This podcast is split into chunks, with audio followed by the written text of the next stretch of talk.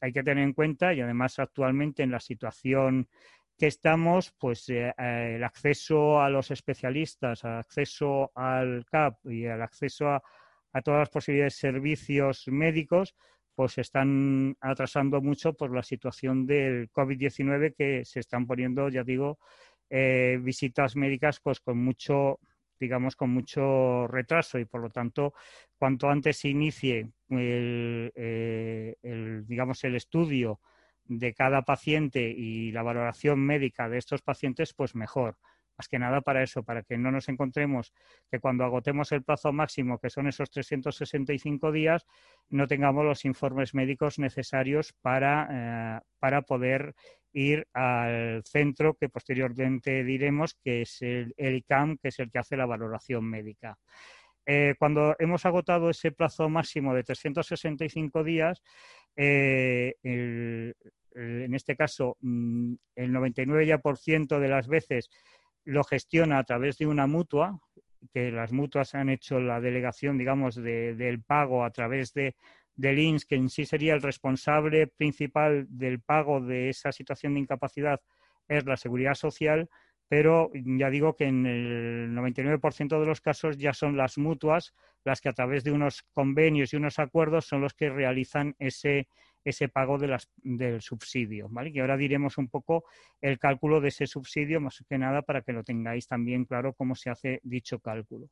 El, ya digo, el tema es que una vez eh, llegados a ese plazo máximo de 365 días, que tampoco se va a cumplir por lo que estoy comentando de los atrasos que hay para esas valoraciones médicas y que eh, en la lista de espera para acudir a, al Instituto Catalán de Valoraciones Médicas también se, se está, mm, digamos, colapsando y por lo tanto eh, también habrá que mm, esperar, porque habrá muchos casos en que haya habrá eh, pacientes que ya habrán cumplido los plazos de los 365 días, pero ya os comento que por los problemas que tenemos de, colapso de, la, del Instituto Catalán, pues eh, digamos que se va retrasando todo.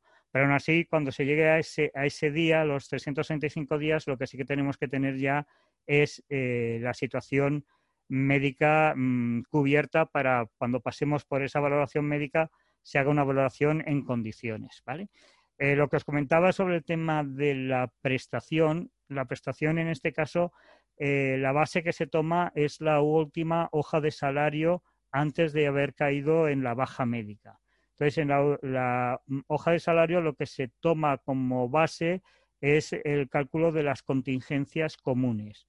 Es al final, digamos, de la hoja de salario, al margen izquierdo, se verá que ahí se pone contingencias comunes y ahí aparece una cantidad en la que está lo que es el salario base, partes proporcionales de pagas extras, si hay algún plus de nocturnidad, plus de los pluses que digamos que también son cotizables por todas esas cantidades es lo que se toma como base para ese cálculo de eh, la, del subsidio, que se llama subsidio en este caso, de la incapacidad temporal. el tema es que eh, mm, también hay convenios, convenios colectivos, que mm, complementan, eh, digamos, las diferencias de lo que paga la seguridad social a lo que correspondería. Incluso hay convenios que están pagando el 100%. Pero la regla general es que del 1 al 3 días no se paga nada, del 3 al 20 se paga un 60% y a partir del día 21 ya se paga el 75% durante, digamos, todo el periodo que esa persona permanezca eh, de baja en la eh, de baja por eh, la incapacidad temporal. ¿vale? Entonces, ya digo, el tema es que una vez que hayamos llegado al plazo máximo, pasaremos por la visita del ICAM. ¿vale? Entonces, la situación de las valoraciones médicas actualmente, eh, también la mm, variación que ha habido es que, aunque no parezca una tontería, es que podéis ir acompañados. Es decir, que ya antes era mm, se tenía que entrar solo a esas, a esas valoraciones médicas y, lógicamente, era una situación bastante de estrés para el paciente porque, además de no encontrarse bien, normalmente esas valoraciones médicas tampoco son de gusto porque normalmente eh, la actitud de los facultativos que están allí, pues no digamos que es la más agradable posible. Por lo tanto, ya digo que cuando se vaya a esa visita al ICAM, mi consejo es que si podéis, que vayáis acompañados por alguien para que al menos haga un poco de apoyo moral, porque ya digo que la actitud por parte de esos médicos no es la más, mm, la más digamos, agradable para, para el paciente, porque además de encontrarse mal, encima la actitud de ellos es un poco de fiscalizar la situación y decir eh, que normalmente eh, el paciente viene ahí pues eso, pues a pedir una incapacidad o lo que sea y que ellos pues normalmente siempre, viene siempre ven bien a ese paciente. Entonces, cuando se vaya a esa visita médica, sí que es importante que tengamos, y por eso es lo que digo, que a partir de que ya tengamos un periodo de tiempo de baja médica, ir a unos especialistas de, la, sobre todo de la sanidad pública, porque esa es otra. O sea, aquí el valor que van a dar a los informes no es el mismo valor que van a dar a un informe de la sanidad pública que el valor que van a dar a un informe de la privada en el sentido de que sobreentienden que si es un informe de un doctor privado, que siempre favorecerá más a los intereses del paciente, mientras que un informe de sanidad pública se entiende que, entre comillas, es más objetivo y más, digamos, que se, se ajusta más a la realidad. Pero bueno, ya digo que si, siempre que se pueda, que sea a través de los especialistas de la sanidad pública. Estos especialistas, lógicamente, como estamos ante esas enfermedades inflamatorias intestinales, lógicamente el principal y fundamental es el digestivo, ¿vale? O sea, el digestivo es el que tiene que hacernos eh, un informe y, al ser posible, un informe exhaustivo en cuanto, aparte de darnos el diagnóstico de la enfermedad que tenemos, eh, sería conveniente de que eh, describiera las patologías, es decir, o la sintomatología, si esta enfermedad eh, genera, genera dolor, si causa pues situación de, de, diarreas, cuántas diarreas genera, eso es fundamental, porque claro, si una si por desgracia un, un paciente tiene, yo que sé, 20 deposiciones al día o, o 18 o 16 o 15, ya estaríamos hablando de un paciente que no puede realizar su actividad laboral. Por lo tanto, aunque parezca una tontería decir, oiga, póngame usted las deposiciones que pongo al día. Oiga, a mí me interesa para eso, porque al fin y al cabo, eh, si tengo que llevarlo a algún sitio en el que el que va a valorar este informe no es médico, lógicamente siempre valorará más eh, lo que entiende que no los términos médicos que ponen. Entonces, eh, todo el mundo entiende que una persona, si va 20 veces al lavabo, lógicamente tiene muy limitada la disponibilidad de poder realizar una actividad, ¿de acuerdo? Entonces, aquí sí que es importante el tema de que el digestivo, aparte de hacernos un informe, ya digo que aparte del diagnóstico, la afectación que tenemos, pues claro, si da una afectación de, de la zona intestinal, lo, lo que conlleva, digamos, de, de la medicación, de si ha habido incluso intervenciones quirúrgicas, etcétera, etcétera, lógicamente esto, digamos que es también importante, ¿vale? Lo importante es que, ya digo, que nuestro especialista principal por, por, la enfermedad que tenemos, que es el digestivo, pues que se, bueno, que se comprometa pues bueno, a hacer ese tipo de informes para facilitárnoslo.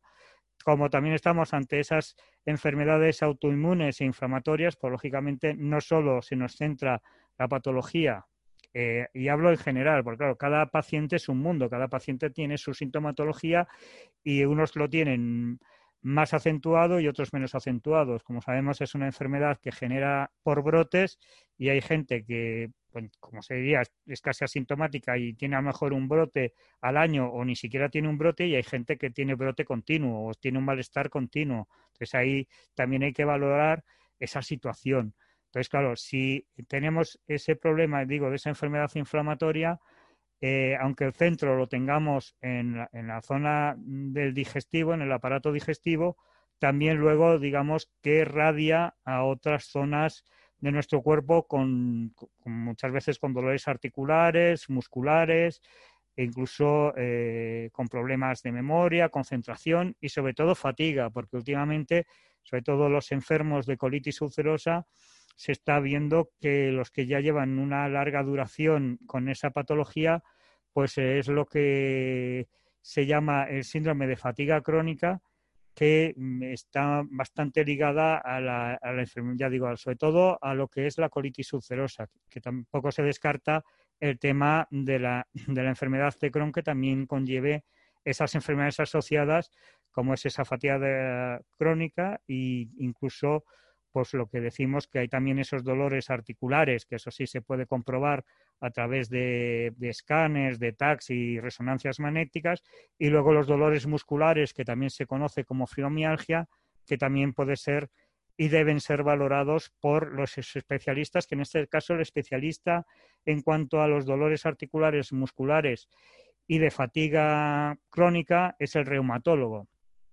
Por lo tanto, a nuestro doctor de cabecera, cuando nosotros tenemos esos dolores, digamos, de tipo articular y muscular, pues nos tiene que derivar al reumatólogo. Eso es fundamental. Es decir, el doctor de cabecera está para que nos vaya derivando a los especialistas que puedan ir controlando nuestra enfermedad principal, que ya decimos es la enfermedad de, de crónico, litis ulcerosa, pero también las enfermedades asociadas, que es lo que estamos diciendo, esos problemas articulares, con artritis, con problemas musculares, la fibromialgia y con las fatigas o, cansancio, agotamiento extremo, que es lo que llamamos la fatiga crónica. Igualmente, como padecemos esta enfermedad y es de tipo crónico, también tenemos unos problemas de memoria, unos problemas de concentración y que estos problemas igualmente los lleva también otro especialista que es el neurólogo también es importante que aparte del digestivo y el reumatólogo, también seamos visitados por un neurólogo para saber exactamente el alcance de esas problemáticas que tenemos, porque ya digo que el tema de memoria, concentración, también puede ser valorado y, tasado a través de un especialista en medicina, como ya digo, es el neurólogo. Y otro ya principal también en esta, en esta recopilación de informes médicos y que también es básico con el digestivo, aparte que podríamos hablar de, reumatólogo o neurólogo, podría mm, ser, y yo entiendo que tienen que ser necesarios, pero si entendemos que no son necesarios, pero sí que puede ser fundamental es el psiquiatra.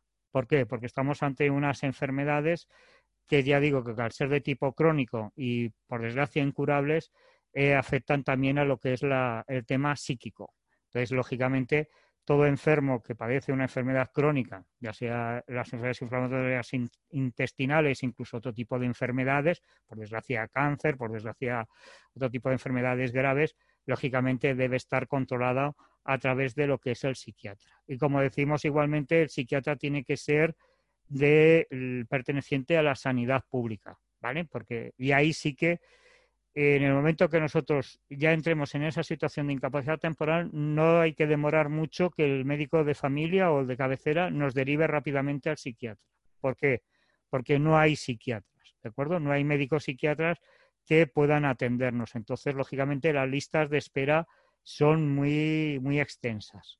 También la situación es que si alguien, por el motivo que sea, el médico de cabecera o el médico de familia no le quiera derivar al psiquiatra, y, esa persona se encuentre mal, mi consejo es que acuda a un hospital que tenga urgencias psiquiátricas y que entre por urgencias psiquiátricas, porque ahí enseguida, en 15, 30 días, lo van a derivar a un, eh, a un centro de salud mental que le corresponda por la zona donde resida. ¿De acuerdo? Es la forma, la única forma de que si por nuestro médico de familia se niega a mandarnos a un psiquiatra porque él se ve capacitado para medicarnos sobre algo que desconoce como es el tema psiquiatría, eh, mi consejo es eso, es acudir a un centro hospitalario, ya digo que tenga ese servicio de urgencias psiquiátricas y a partir de ahí ese centro lo que os hará es derivaros de forma urgente a un centro de salud mental de adultos con lo que se gana tiempo y para conseguir, ya digo, sobre todo esos informes que al fin van a ser lo que nos va a pedir el ICAM, ¿de acuerdo? Que es el Instituto Catalán de Valoraciones Médicas. Una vez que tengamos todos estos informes eh, recogidos y, ya en nuestro poder, es fundamental que esos informes, lógicamente, lo vea vuestro profesional, lo vea el abogado. ¿Por qué? Porque hay muchos informes en los que nos ponen que eh, la enfermedad es leve, es moderada o hay una mejoría o, eh, términos que realmente eh, para, querer, para avanzar sobre lo que nosotros queremos realmente van a ser un entorpecimiento más que favorecernos. ¿Por qué? Porque la persona que nos lo va a valorar, si no es médico, lo único que se va a fijar es que estamos ante una enfermedad que ha tenido una mejoría. A lo mejor la mejoría es, es ridícula, no ha habido tal mejoría o ha sido leve, pero como ponga solo mejoría, ya digamos que ese informe entendemos que ya no es válido y por eso mi consejo que cuando tengamos todos esos informes se ha de llevar a un profesional para que ese profesional nos diga qué, eh, qué informes son buenos y los podemos llevar y qué informes hay que dejarlos en el cajón, ¿de acuerdo? También ahora últimamente hay mucho cruce ya de informes, digamos, directamente de los, eh, sobre todo de los eh, médicos de cabecera al ICAM, ¿vale? Porque ahora como todo es a través de, de la página de internet de médico y tal, pues hay dichos informes. Se ha, de intentar, sobre todo el tema de especialistas, que no hay tanto, tanta interrelación entre el ICAM y esos especialistas, pues ver si esos, si esos informes verdaderamente no son útiles y si no son útiles, pues ya digo, lo, lo sencillo es guardarlos en un cajón y dejarlos ahí porque lo que nos interesa es decir informes que realmente establezcan nuestra sintomatología y sobre todo eso, que, no por una pequeña palabra, ya digo, sobre leve, moderado, etcétera, etcétera, eh, nos eh, complique la tramitación. Por eso ya digo que mi consejo sobre todo es tener los informes, pasar por el abogado y el abogado ya os dirá qué informes son convenientes que llevéis y qué informes no son convenientes llevarlos. Entonces, una vez que estemos en el ICAM, como ya he dicho, a ser posible acompañados, pues eh, el médico que esté allí hará una valoración de los informes, a veces una valoración tan rápida que nos dará el alta médica en el mismo momento de aportar los informes, porque a lo mejor ya tiene la orden de arriba de dar el alta médica por inspección a toda la persona que vaya ese día a valoraciones. Por lo tanto, eh, la, situación del ICAM es eso, las propuestas que puedan hacer es o te doy la alta médica por inspección, entonces la, la consecuencia de esa alta médica por inspección es que el paciente se tiene que eh, presentar y reincorporar a su puesto de trabajo de forma inmediata y hay 11 días para impugnarla. Es decir, que se puede eh, se, tiene o se puede impugnar y ya digo, solo hay 11 días para hacerlo. Incluso se puede hacer en el mismo ICAM el mismo día que nos han dado la, el alta médica por inspección, que yo incluso casi aconsejo que se haga porque eh, ya digo, 11 días pasan volando y si tenéis que ir al abogado, el abogado tiene que recopilar información, eh, etcétera, etcétera, esos 11 días ya digo que se quedan la mayoría de veces bastante cortos. Por lo tanto, el consejo mío es que cuando vosotros recibáis ese alta médica por inspección, que, eh, que, si se puede, en ese mismo día, como hay unas plantillas para rellenar, simplemente poner que no estéis de acuerdo con el alta médica que se os ha, se os se os ha dado, digamos que ya sirve como reclamación previa, que es el nombre que recibe esa impugnación de ese alta médica por inspección. Eh, la otra posibilidad que puede hacer eh, el ICAM es recoger los informes y deciros que de aquí, pues de ahí a un mes, mes y medio, recibiréis la comunicación, que tampoco es cierto por el motivo que os estoy hablando de la crisis sanitaria del COVID-19, ya que últimamente las resoluciones están tardando de dos a tres meses en comunicarlas. Por lo tanto, todos los periodos, todos los plazos se están alargando por la problemática que tenemos de la crisis sanitaria. ¿De acuerdo? Entonces, normalmente ya digo que mm, lo habitual era de un mes, mes y medio, actualmente estamos hablando de dos a tres meses mm, mm, de, duración en contestarnos eh, esas reclamaciones. ¿De acuerdo? Entonces, ya digo, el alta médica por inspección, si se nos da, la podemos impugnar 11 días y lo que digo, que luego ellos, como he comentado, se pueden guardar los informes y, ver que si la situación no la tienen tan clara para daros el alta médica,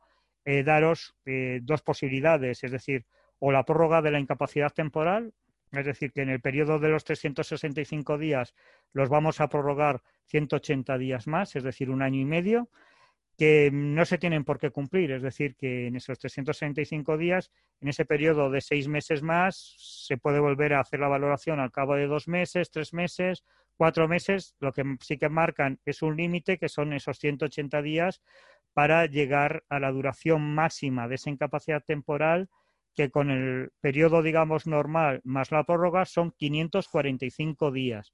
545 días que tampoco se están cumpliendo, ¿vale? Es decir, que las personas que hayan tenido una prórroga de incapacidad temporal, que ya hayan cumplido los 545 días y no hayan recibido todavía eh, la cita del ICAM para que vuelvan a pasar por revisión médica, que no se preocupen, que es normal, que estamos en una situación que de colapso y por lo tanto pueden tardar, eh, aparte del año y medio que ya digo que es el, periodo máximo, medio año más, tres meses más, cuatro meses más, que estamos dentro de lo normal, que nadie se asuste de decir, es que yo he llegado a los 545 días y ¿qué va a pasar?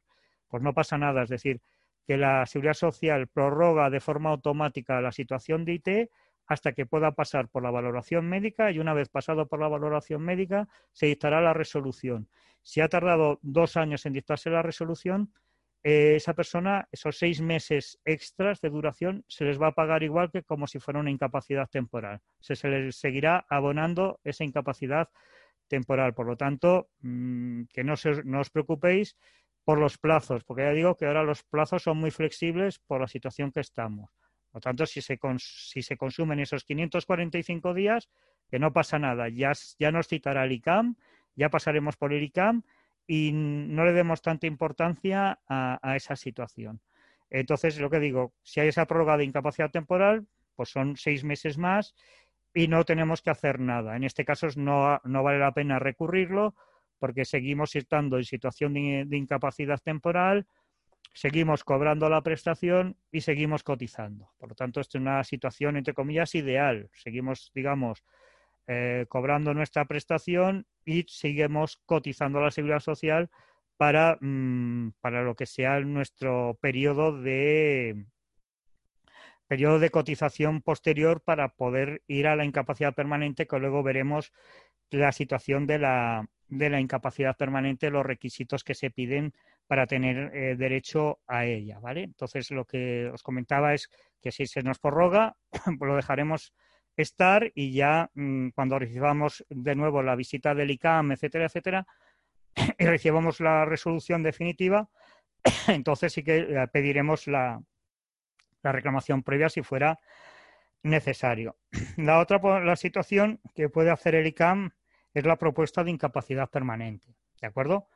La propuesta de incapacidad permanente es la firma de la. Eh, simplemente se hace una solicitud y se firma la misma. Es decir, la propia Seguridad Social nos dirá que eh, se está tramitando esa propuesta y que para obtener posibilidad de acceder a la misma tiene que tener nuestra autorización. ¿De acuerdo? Entonces, simplemente la propuesta es rellenar un formulario muy sencillo que incluso ahora ya se rellena en las oficinas de la Seguridad Social, que también ahí os tenéis que llenar de paciencia porque igualmente hay muchas oficinas que se encuentran cerradas por la situación del COVID. Es decir, aquí eh, puedes ir a cualquier centro comercial, puedes ir a cualquier bar, puedes ir a cualquier sitio, pero las administraciones públicas están totalmente restringidas y la mayoría se encuentran cerradas y por lo tanto cuando se hace esa propuesta de incapacidad permanente, pues para acceder a cualquier oficina con cita previa y tal, pues es una odisea porque ya digo que hay muy pocas abiertas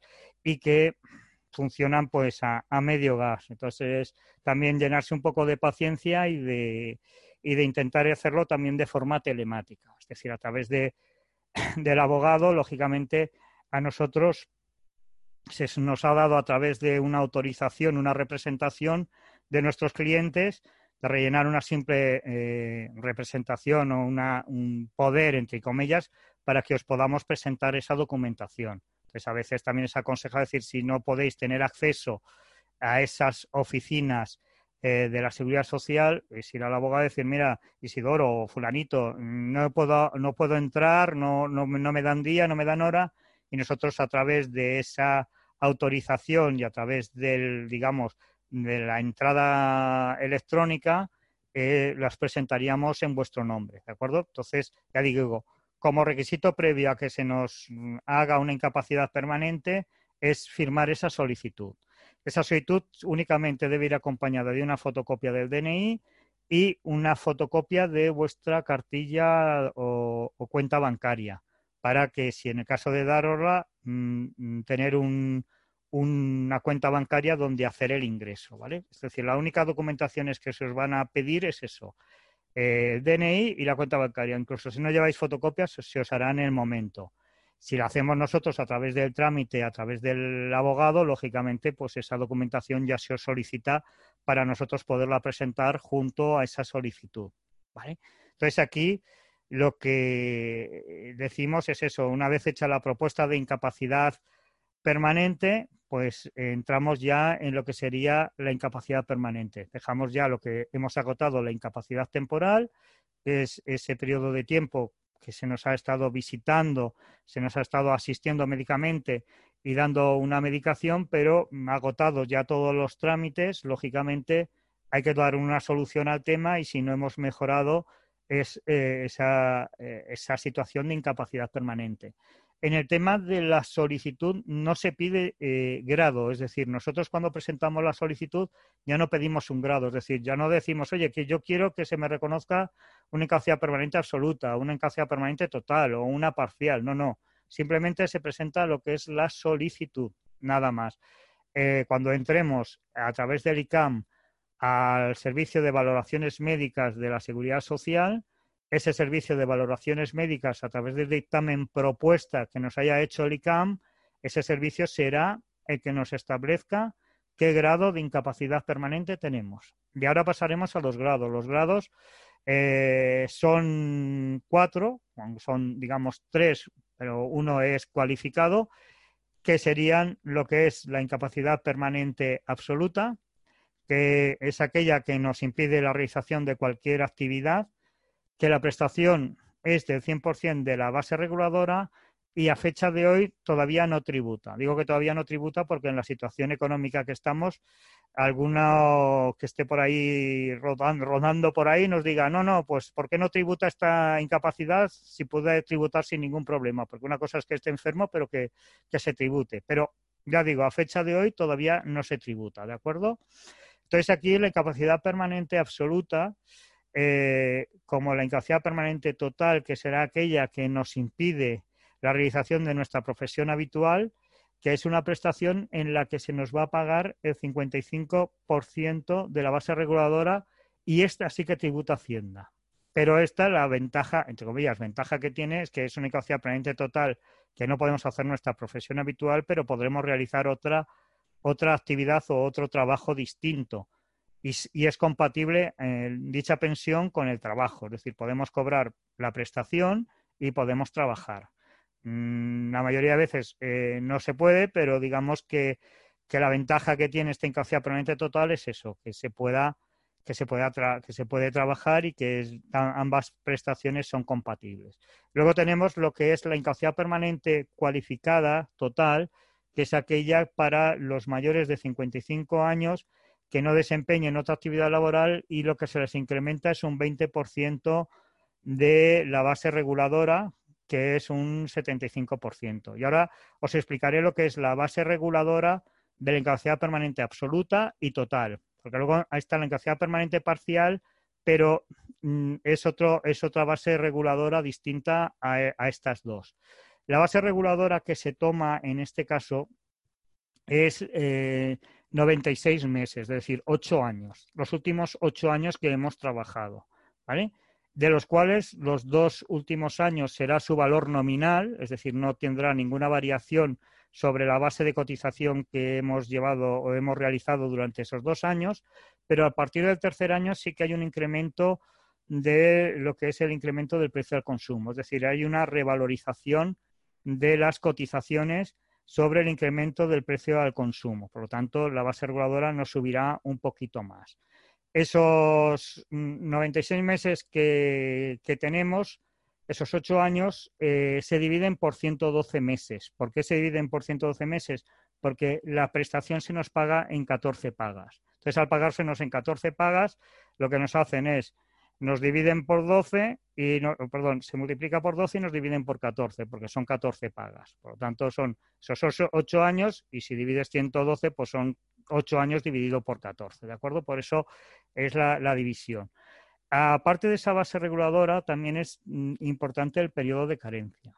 Periodo de carencia que cada vez pues, van exigiendo más periodo de carencia cuanto más, eh, digamos, más actualizado está el tema de las pensiones de incapacidad. En el caso de la incapacidad permanente absoluta y total, nos piden un, periodo de carencia que va en, relación a la edad del paciente. Es decir, cuando el paciente es menos, menor de 31 años, se toma desde los 16 a los 31, tiene que haber cotizado una tercera parte de su vida. Es decir, si, mm, si en el caso, por ejemplo, de un trabajador de 25 años son nueve años, por lo tanto tendría que tener cotizados tres años. Y así es eso, es decir, desde los 16 a los 31, una tercera parte de nuestra vida, ¿de acuerdo? Y en cuanto mayores de 31 años, es una cuarta parte de nuestra, nuestra vida laboral, pero empezando por los 20 años, es decir, empezamos a contabilizar a partir de los 20 si tenemos, por ejemplo, 40, pues serían 20, y diría por 4, pues serían 5 años, ¿de acuerdo? Lo, que nos pedirían. Es decir, un, un, trabajador con 40 años de edad, pues le exigen 5 años cotizados. También exigen mínimo esos 5 años, es decir, eh, que aunque tengas 38, 37, ahora exigen que tengamos cotizados mínimos esos 5 años para tener derecho, de los cuales una quinta parte, es decir, dos años, tienen que estar dentro de los últimos diez años. Es un poco lioso, pero quiero deciros que en sí, para que lo tengáis claro, es que de vuestra vida laboral al menos una cuarta parte la hemos tenido que trabajar. Y si eres más joven de 31, pues una tercera parte.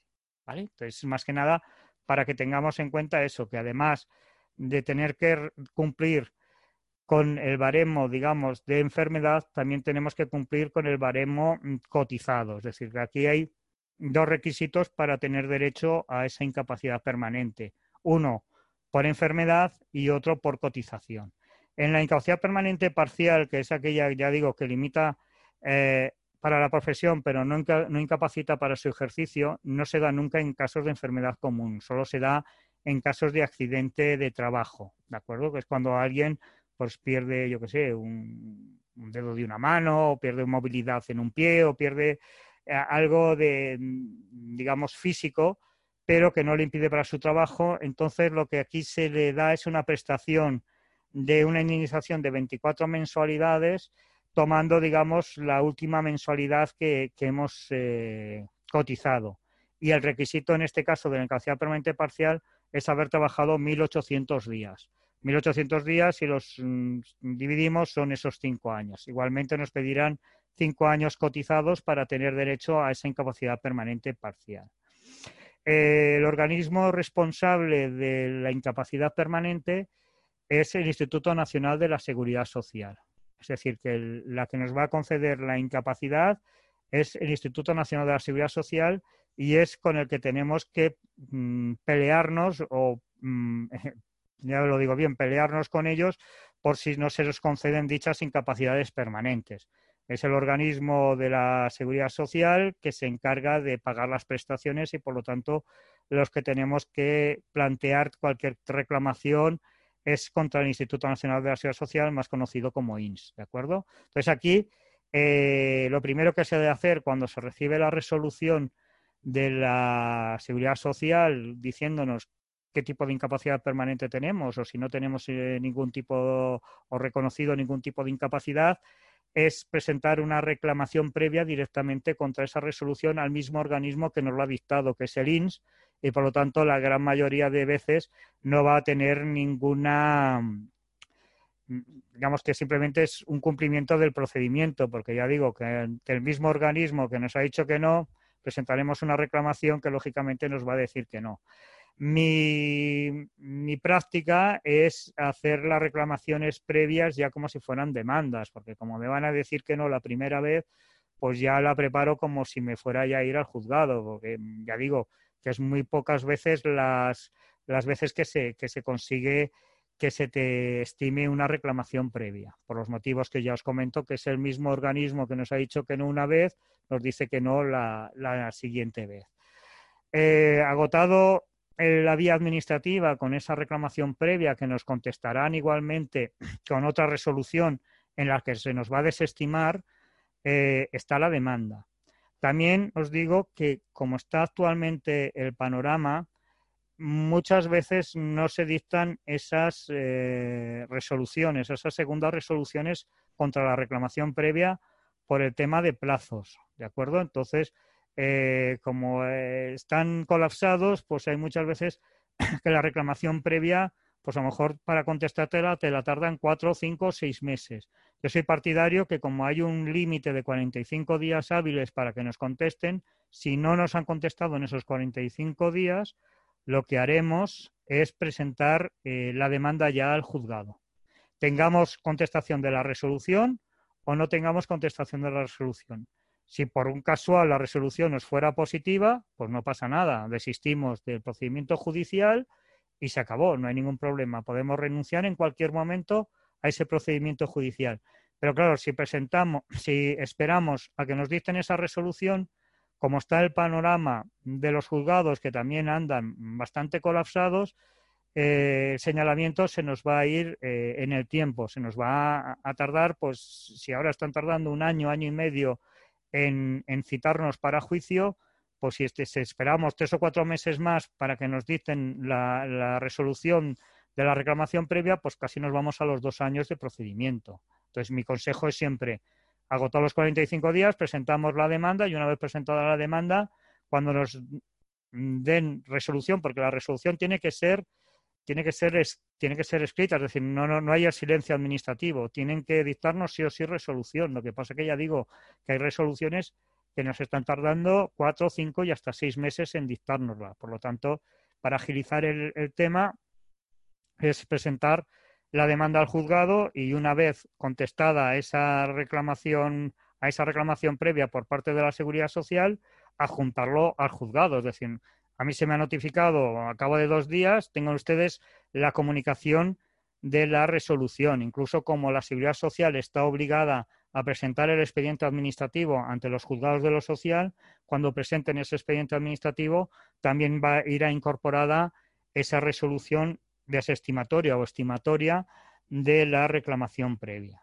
¿vale? Entonces, lo que digo, la demanda en sí se, debe, se debería presentar una vez nos han desestimado la reclamación previa, pero por los motivos de plazos y por la situación que estamos, es aconsejable siempre, pues eso, ya que la, la situación es de, retraso y de, y de colapso judicial, pues por, al menos por nuestra parte intentar agilizarlo lo máximo posible.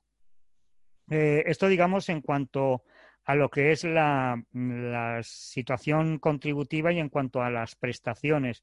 Luego tenemos, por otro lado, lo que es el grado de discapacidad, que esto se lleva a través de otro organismo diferente, que es el Departamento de Bienestar Social de la Generalitat de Cataluña, y eh, que, pues, mi consejo es que cuando hay una persona con una enfermedad crónica, que se solicite, porque toda persona que tenga una discapacidad de más del 33%, se entiende, se entiende que es una persona discapacitada, con lo que tiene beneficios fiscales y beneficios laborales e incluso beneficios sociales según el tipo de discapacidad. Si es muy importante, lógicamente también pues hay eh, beneficios sociales en cuanto a facilitarle vivienda, facilitarle eh, ayudas, etcétera, etcétera. Y a nivel laboral, lógicamente, si tenemos un, un porcentaje mayor del 33%, pues las empresas se bonifican en cuanto al tema de cotización a la seguridad social y por lo tanto siempre es más fácil eh, coger una persona con una discapacidad del 33%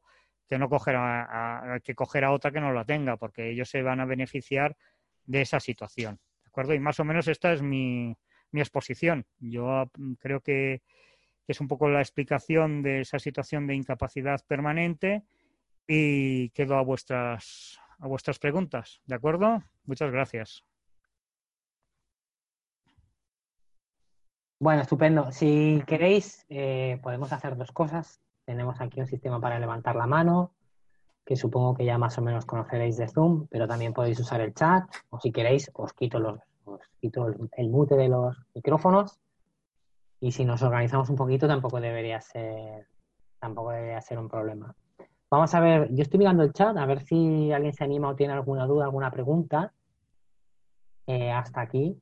De todos modos, Isidoro, yo no sé si es, es, muy temprano para trasladarte el caso de una de las personas que tenemos aquí. Sí, sí, sí. Que, por problemas, por problemas con el audio ahora mismo. Ah, sí, vale. Espera un momento. Eh, Irene, creo que podrás hablar, vamos a ver, porque estaba ella con. Sí, con la mano levantadita. Con la mano levantada. Sí, espérate a ver si puede.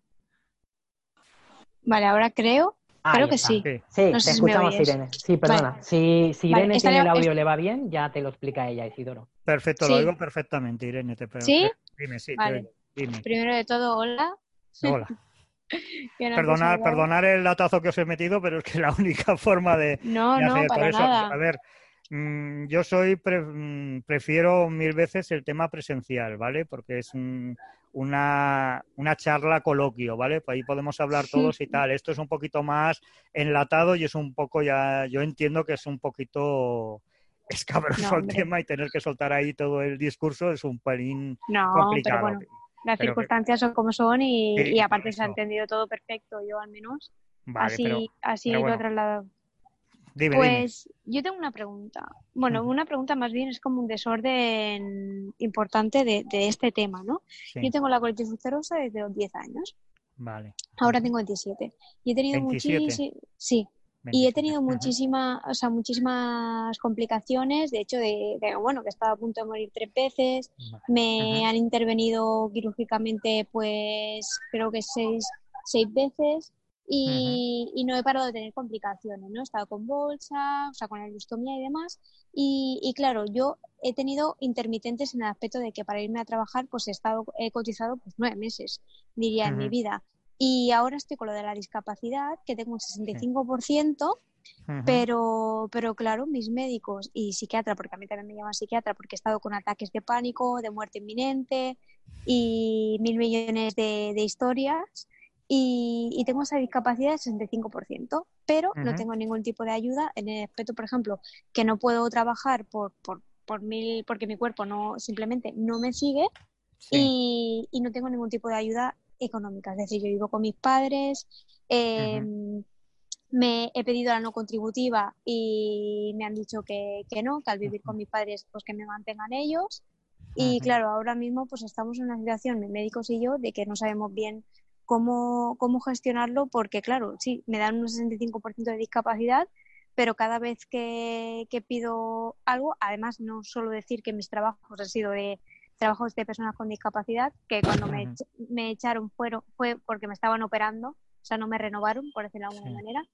y, y, claro, me veo pues como una, en la interperie, ¿no? O sea, es decir, tengo 27 años, estoy estudiando, eh, no puedo trabajar y no tengo ningún tipo de ayuda, no me puedo independizar y no, no puedo absolutamente hacer nada. Entonces, claro, ¿qué, ¿qué me aconsejarías? ¿Cuál sería el procedimiento que, o qué podría pedir o qué, qué podría hacer? Claro. No, es que claro, aquí estamos en la situación que lo que hablamos de, las pensiones, y es lo que yo he explicado, que es una pensión contributiva, ¿vale? La pensión contributiva es cuando la persona ha cotizado, y os he explicado un poquito el tema de la del periodo de carencia, ¿de acuerdo? El periodo de carencia es lo que os te exigen como mínimo para poder tener derecho a, a esa prestación.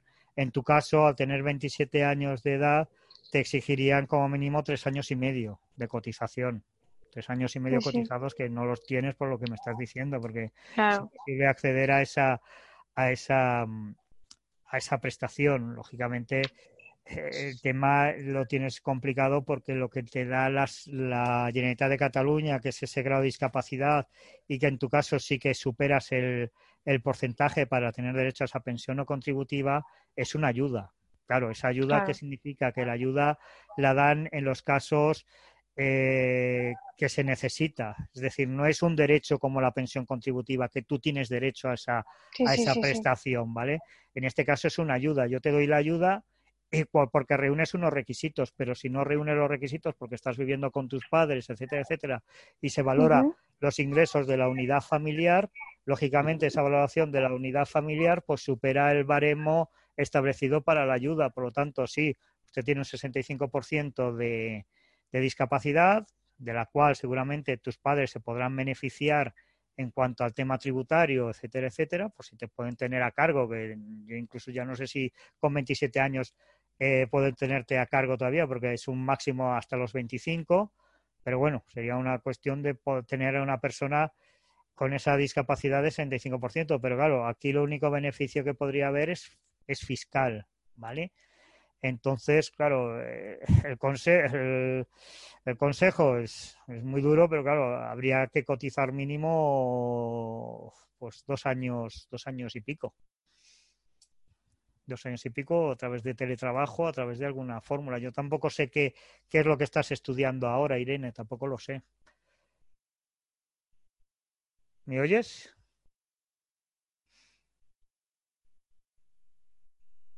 He perdido Irene, no la Vale, ahora ya está, ya está, ya está. Es ah, que vale, perdona. Si ¿eh? el micro y si no, no, y si no era Alex, no me. Te, estaba, no, no, te estaba eh, comentando eso. Que, te escucho perfectamente. ¿qué, ¿Qué estabas estudiando? Te estaba preguntando. Ahora estoy haciendo la prueba de acceso a la universidad.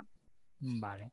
Y entonces con la prueba de acceso a la universidad, lo que me ha pasado también es que ahora tengo, bueno, me, acaban de operar a cera del riñón por un catéter y tal, y tenía los exámenes y no, no, he podido ir y me han dicho hasta el año que viene. Y, y estaba haciendo eso y de lo que trabajé yo era de auxiliar administrativa. Estaba en el hospital de Tarrasa, estaba pues allí en el teléfono y tal, y atendiendo por pues, lo típico, las visitas y todo esto. Y era, era de, discapacitados, ¿eh? era simplemente eh, de esto y luego lo otro. A mí lo que me cuesta mucho es ser, ser, o sea, marcar unos horarios. Es decir, por ejemplo, a mí me dicen, eh, tienes unos horarios de 6 de la mañana, o me lo invento, a, a una del mediodía. Entonces, a lo mejor esa noche yo he ido al lavabo por el reservorio pues, siete veces, me lo invento, y claro, no, ese día pues no me puedo levantar o lo que sea y no tengo como, como facilidades de... O sea, en los trabajos que he trabajado los dos, sí que yo he sido una persona que he ido a tope, es decir, incluso he cogido altas voluntarias para no, para no faltar en el trabajo, pero eh, en el momento que, bueno, pues lo que te decía, a lo mejor me han, me han operado, pues me han dicho hasta luego. Sí, sí. Sí, lo que pasa que ya te digo, aquí el tema del periodo de carencia mm, y al ser a través de una enfermedad eh, común, exigen esos periodos.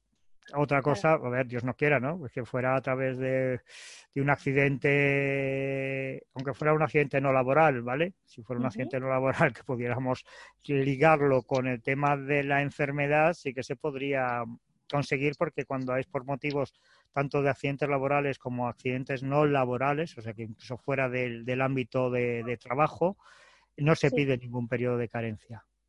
Pero claro, actualmente con la ley, como está la ley actualmente, lo que te exigen es eso, te exigen que desde los 16 a los 31 años haya una tercera parte de cotización. Claro. Entonces hay pues que cotizar esos, esos tres años y medio y lógicamente cuanto más años se vayan teniendo, pues el más amplio será ese periodo de carencia que vayan pidiendo. Claro, es que es un poco que contra, es una, es una controversia, ¿no? Por decirlo de alguna manera, porque decir, hostia, yo soy la mm. primera que quiere trabajar o quiere tener una vida normal. Sí, pero no puedes, claro. Claro, exacto. Y no puedo, y es como, bueno, voy a forzar mi cuerpo, voy a trabajar, pero cuando lo hago, tengo la represalia de decir, vale, ahora me quedo parada por lista seis meses más. Entonces es como, como el pez siempre que, que se muerde la cola, y es como que, claro, es súper complicado. O sea, estoy un poco en esa situación de decir, hostia, que lo que te decía, ¿no? Mi padre sí que es cierto que es todo lo, de la renta, lo que comentabas, ¿no? Que sí que pues a ellos el tener la discapacidad, pues tal, pero el resto de, el resto no. Entonces yo es como que estoy un poco perdida en la vida, es decir, se me está yendo la, la, la juventud, se me va un poco la vida y no estoy, estoy en el aire. Sí, pasa que también Irene has de pensar que, bueno, la gente, entre comillas, ¿eh? la gente que también no tiene este tipo de enfermedad y tal, cuando empieza a cotizar es a partir de los 27, 28 años, 29 años, cuando deja de estudiar, deja de hacer las prácticas, deja tal, es un poco es el, el, periodo que se empieza un poco a cotizar es eso, a los 27, 28 años. Y ya te digo, a fecha de hoy, como está regulado eh, la ley, que esto es a través todo de la Ley General de la Seguridad Social, se, se plantean esos periodos de, carencia sin excepción.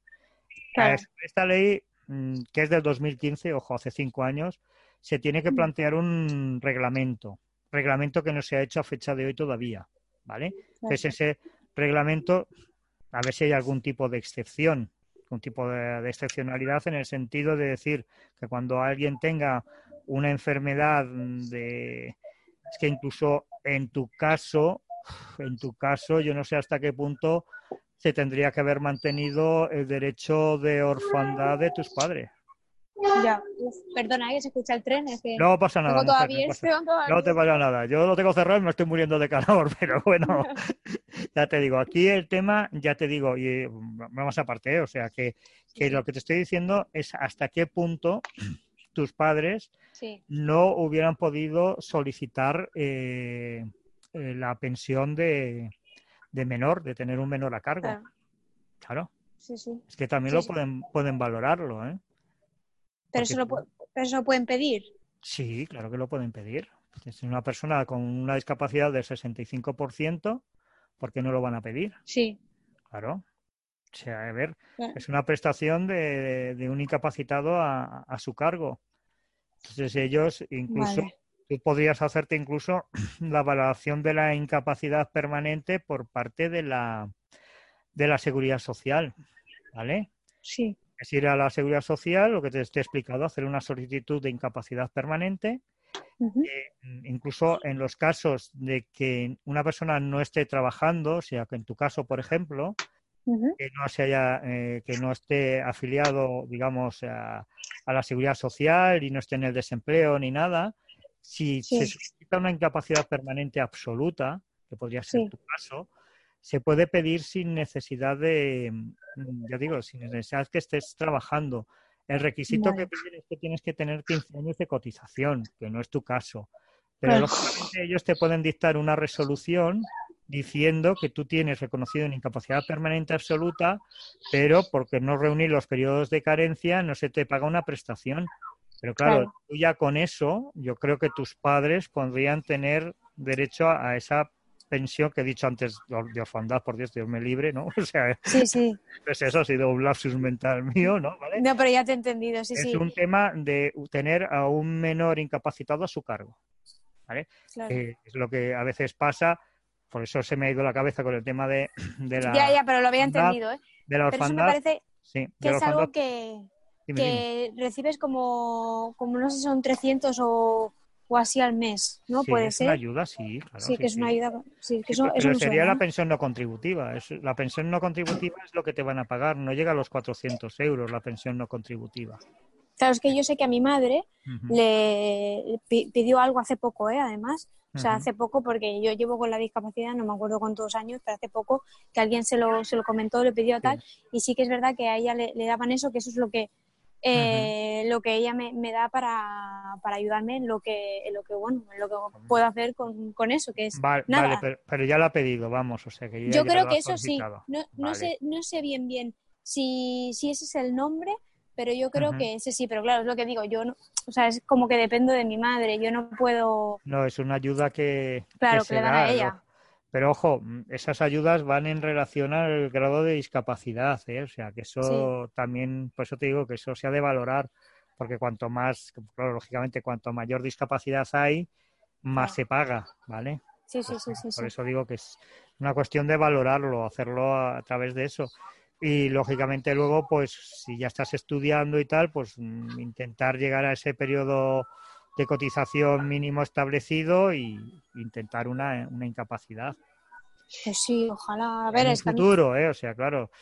Es que es muy, ya digo que es muy triste, ¿no? O sea, yo he llevado casos de, de, chicos con 29, 30 años de pedirles una incapacidad permanente, ¿vale? O sea, Incluso el pobre, el último, bueno, hace mucho tiempo, un ingeniero agrónomo pobre hombre me decía, oye, que, me, que, nada, jovencísimo, tenía 28, 29 años. Dice, joder, Isidoro, me paso en el campo yendo de un árbol a otro, corriendo porque no, puedo tal. y conseguimos una absoluta y, tiene una eficacia absoluta desde hace muchos años, con 20, no llegaba a los 30 años, ¿eh? Pasa que él sí, que tenía el periodo cotizado. Claro, a mí al pasarme desde tan pequeña, y, al coincidirme eh, la adolescencia y todo eso, por ejemplo, a mí mi primera intervención así eh, fuerte fue con 18 años. O sea, fuerte me refiero a quitarme todo el colon, ponerme la bolsa, ¿no? Y a partir de ahí, de intervención tras intervención. Digamos que ese ha sido el cupo, por decir que normalmente la, gente joven pues empieza a trabajar, que es, donde yo estaba trabajando y tal. Entonces, claro, me ha roto, o sea, me ha roto el, el, estudiar, el trabajar y entonces, claro, es como, Vale, yo no he tenido la culpa de estar no, enferma, pero tengo la vas a tener tú la culpa. Es una enfermedad, eso está claro. A ver, la enfermedad, por desgracia, está ahí. Por eso te digo que se ha de mentalizar el legislador, que por desgracia es el que el que nos dicta las normas, nosotros las interpretamos, pero el que las dicta es el legislador, entrar en esas excepciones. Claro, es entrar en unas excepciones, decir, oiga, es que esta persona se le tiene que pagar una prestación desde cero porque no puede cotizar porque no está facultado para cotizar. Hay tantas ayudas que se dan a X personas, ¿por qué no se puede dar una ayuda a una persona con una, una discapacidad del 65% sin necesidad de valorar los ingresos que que la unidad familiar? Claro, y además que, ¿Me escucháis? familia... Sí, sí, te, escuchamos, eh, Isidoro, debo decir que la, ventaja que tenemos con Irene es que tenemos un trato cercano porque ella es la, coordinadora de jóvenes, aquí de actividades de jóvenes aquí en ACU Cataluña. Entonces, yo creo que sería interesante, siempre que vuestras agendas lo permitan, que miremos, siempre que estéis los dos de acuerdo, miremos un poco el caso en privado porque además puede ser interesante documentarlo porque no sé si lo sabéis, pero hay, hay varios socios en ACU Cataluña que están pasando una situación un poquito similar.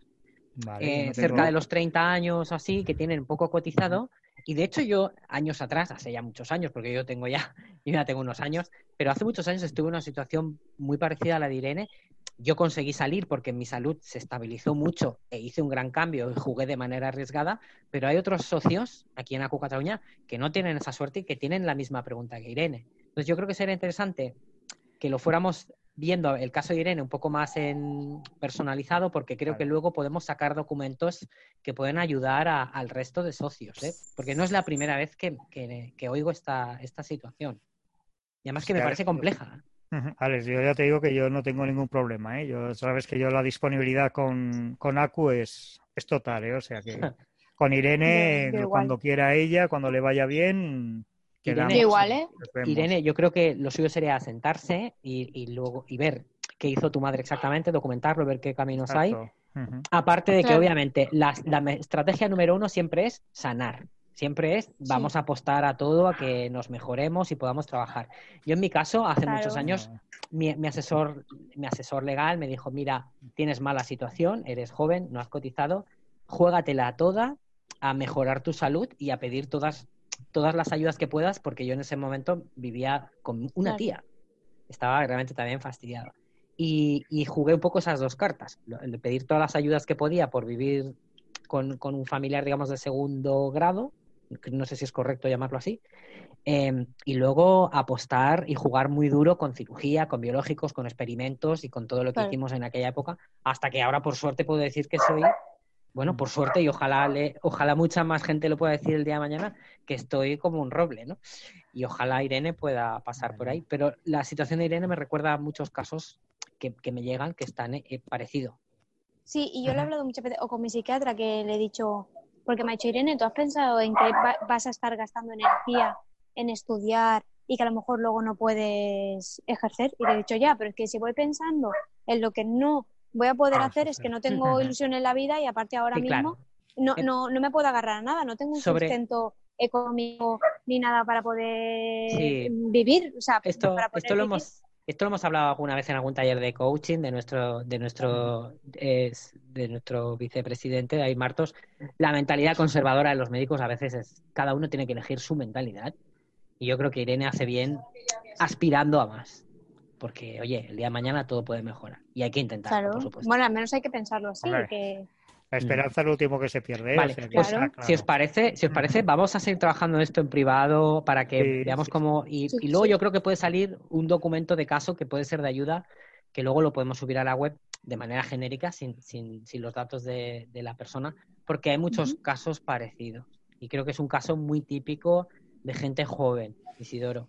Gente joven que no ha podido cotizar. Estoy claro, pero ahí yo lo que intento es dar soluciones inmediatas. Sí, sí, yo, eh, Alex, ¿eh? no te enfades, yo bola de cristal no tengo, entonces claro, yo no puedo decir, no, no, en un futuro vas a mejorar y tal. Sí, no, sí en absoluto, en absoluto. El, caso en el momento, es decir, tú en la situación actual, ¿qué es lo mejor para ti? Y ojalá te recuperes perfectamente con las intervenciones y tal. Y oye, y a lo mejor si tienes lo que decías, si luego tienes una prestación, yo qué sé, de 300, 400 euros ya de por vida y puedes realizar otro tipo de actividad, pues algo tienes. Oye, son 300 o 400 euros con los que tú podrás mm, gestionar lo que sea, cubrir cualquier tontería, cualquier historia, que, es, que se me ha pasado con chicos jovencitos que les han dado una incapacidad permanente total para su trabajo. Mira, el último de camarero el último de camarero, pues no puede trabajar de camarero, le han quedado 400 euros, y es lo que le digo, ahora está trabajando de fisio, haciendo sentadito, haciendo masajes y tal, y me dice, ¿sabes lo bien que me van a mí esos 400 euros que tengo ahí fijos? Claro. ya lo sé.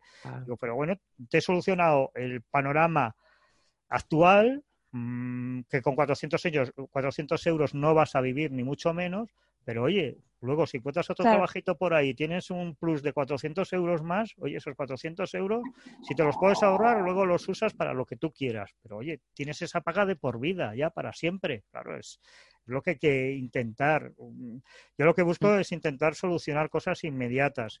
Sí, sí, no me, malinterpretes por, no, los comentarios de... Por favor, Alex, que no, que no. Lo que no para... que me malinterpretes tú a mí, que digas, oye... Digo, por eso es porque... Es porque muchas veces con los médicos tenemos esa diferencia de posturas, ¿no? Ah, entre postura conservadora de, bueno, no tenemos mucha fe en que te mejores, y a lo mejor el, el, paciente, que es la persona que lo vive, pues sí que tiene ciertas aspiraciones, ¿no? Nada que ver con el asunto legal. Que y, además, el tema, además, los, además la juventud, lógicamente, que la juventud, pues lógicamente es luchadora y pelea. Bueno, pues Irene, Irene, con tu permiso, eh, seguiremos en privado con Isidoro y pasamos a otra consulta, otra consulta que me llega en privado, ¿os parece? Vale, me parece bien, Irene, cuando tú quieras, ¿vale? Vale, igualmente, pues muchísimas gracias. Alex ya te pasará mi contacto y hablamos. ¿vale? vale, perfecto. Me llega, me llega Isidoro, me llega Isidoro una. Perdóname. Me llega Isidoro una consulta que prefiere hacerse en privado. Em, te comento un poco lo que me comentan. Em, persona que lleva cuatro meses de baja por una proctitis de 15 centímetros moderada, severa, que de momento no remite. Y el año pasado tuvo otros cuatro meses de baja.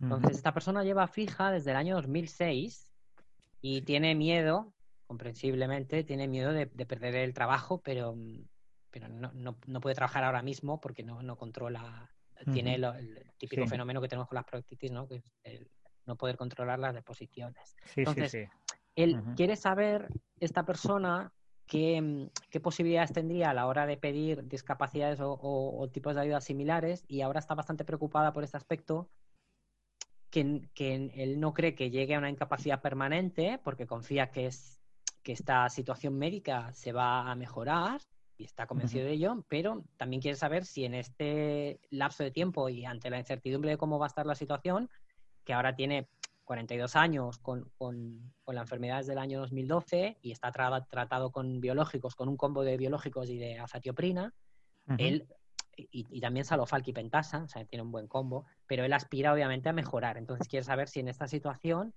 que ni sí ni no, por así decirlo, pues podría pedir alguna, algún tipo de ayuda o qué estrategia sería la más correcta en su caso.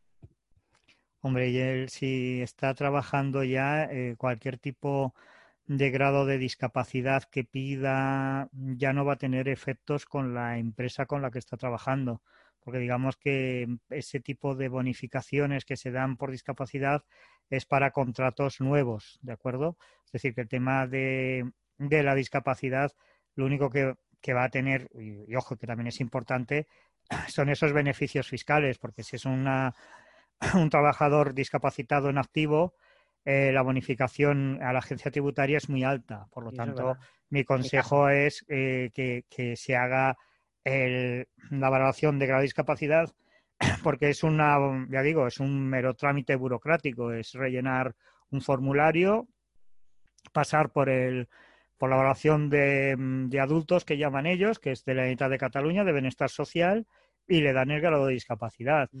Si es superior al 33%, será una persona ya discapacitada y, por lo tanto, tiene una serie de bonificaciones fiscales. El tema de las bajas médicas continuadas, que entre comillas él se quede tranquilo, porque ya ahora ya no es un motivo de despido. O sea, ya con la nueva regulación, la nueva reforma que hubo, que es lo único que se ha reformado de la, de, la, del Estatuto de los Trabajadores, es que ahora ya no se puede despedir a los trabajadores que tengan bajas médicas reiteradas, ¿vale? Entonces, esa situación, por un lado, no se le podría despedir por, por esas bajas médicas, entre comillas, que me entienda, no se podría despedir por ese concepto que sería una indemnización de 20 días por año.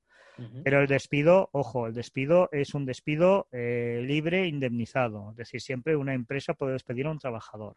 Sí, por otros motivos, quieres decir. Sí, sí, o sin motivo. O sea, yo te pongo que hay faltas de, de asistencia al trabajo o embriaguez o me has insultado, cualquier historia, aunque no sea cierto, y te digo, mm, estás despedido y te voy a indemnizar por lo máximo establecido por la ley y te despido, ¿vale?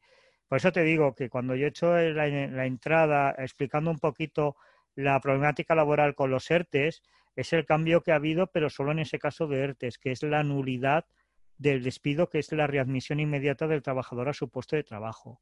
Pero en este caso son números cerrados, es decir, los únicos motivos de nulidad es por discriminación por sexo, por raza, por religión, por, estos motivos. Lo demás es un despido improcedente y el despido improcedente es una indemnización que son 45 días por año trabajado hasta el año 2012 y del 2012 al 2020 33, 33 días por año trabajado. Mm. Y ya está, es decir, que el tema de esa protección ante despidos no existe. Es decir, la única la única protección es que te van a tener que indemnizar y punto. Y hay muchas empresas que te asumen ese coste dicen, pues bueno, pues indemnice y hasta que espero que no sea el caso de nuestro, de nuestro socio y que, y que, le mantengan en el puesto. Ojo, tiene una antigüedad importante, ¿de acuerdo? Entonces, claro, no es lo mismo un trabajador que tenga una antigüedad de un año que el que tiene una antigüedad, en este caso, de 14 o 15 años, claro. 14 o 15 años, a la empresa le va a suponer una indemnización, pues a lo mejor de 40, 50 o 60 mil euros, claro. No, sí, es verdad, tiene una, tiene una antigüedad desde 2006 y ahí pues está, blinda, está bastante blindado. Entonces, recapitulando, no es, tanto, no es tanto lo que puedo hacer ahora para la situación que tiene ahora, sino que piense que a lo mejor dentro, Dios quiera que no, por supuesto, pero mm. que a lo mejor el año que viene vuelve a tener una situación parecida o dentro de dos años o tres, y siempre estará mejor que él se tramite su, su, su, medición de su grado de discapacidad porque en ese momento le puede ser de utilidad. Ahora a corto plazo no, no, pero el grado de discapacidad lo puede pedir ya, ¿eh? Puede pedir sí, sí, Me he explicado mal. O sea, que lo que quiero decir es que en cuanto a él le vaya bien, que se pida ese grado de discapacidad por si aparece un problema de bajas el día de mañana. Para este caso que está viviendo él ahora, estas bajas que está viviendo ahora, no sería tan de utilidad como decías, porque ciertas condiciones ya aplican más adelante, pero que siempre es buena idea medirse la, y, aparte, por desgracia, toda esta situación de bajas médicas de, larga duración son importantes de que siga, que reserve, que bueno, que guarde estas bajas para un futuro, como tú muy bien dices, por si hay que plantearlo en un día de mañana, como bien dices, Dios no quiera, mm. plantearlo en incapacidad permanente. Yo porque ya hay unos antecedentes de, bajas de larga duración, claro. Claro, claro. Yo tengo que decirle a los asistentes que en mi caso, que tengo 38 años y que no tengo muchos años cotizados, pero, pero llevo bastantes y, por suerte he tenido unas bases de cotización buenas, solo con, con un 39% de discapacidad, las ventajas fiscales que he notado a la hora de hacer la declaración de la renta, ya solo por eso, pues bien vale la pena, ¿eh? porque yo he pasado de pagar 200 euros a Hacienda cuando hacía la declaración a que me paguen 400 que siempre está bien. Claro que por eso digo que este socio, mm, a pedir la, el grado de discapacidad, no le va a suponer ningún ningún quebranto ni nada de nada, es simplemente un trámite administrativo, es presentarle y decir, oye, pues tienes un 39, aunque tenga, yo que sé, un 30 más factores sociales, que sabes que se suman los factores sociales a la discapacidad, con que tengan cuatro o cinco factores sociales, ya supera ese 33% y ya se entiende que es una persona discapacitada con eso, sobre todo con ese beneficio de la agencia tributaria, si encima es es activo, o sea, es trabajador activo, en activo es, ya digo, es mm. eh, vale muchísimo la pena porque el descuento es, es, importante, muy importante. Nos pregunta esta persona que, que, cómo hace lo de pedir la discapacidad si lo tiene todo guardado. No sé muy bien a qué se refiere con lo tengo todo guardado, pero nos pregunta que cómo se hace lo de la discapacidad. Es ir a una oficina de bienestar social que depende del departamento de trabajo. Esto, eh, la dirección la tiene en la calle Alvareda 24 de Barcelona, que está justamente abajo de Paralelo, abajo del Paralelo, en la calle Alvareda 24 y está el Departamento de Trabajo y Asuntos Sociales. Es ir allí y, si es caso, llame antes por si acaso, si necesita ahora cita previa por la situación que estamos, es rellenar una solicitud y, ya le programarán para, para una visita médica y ya está. Solamente rellenar la solicitud, su fotocopia del DNI y nada más. No tiene que llevar informes médicos ni nada.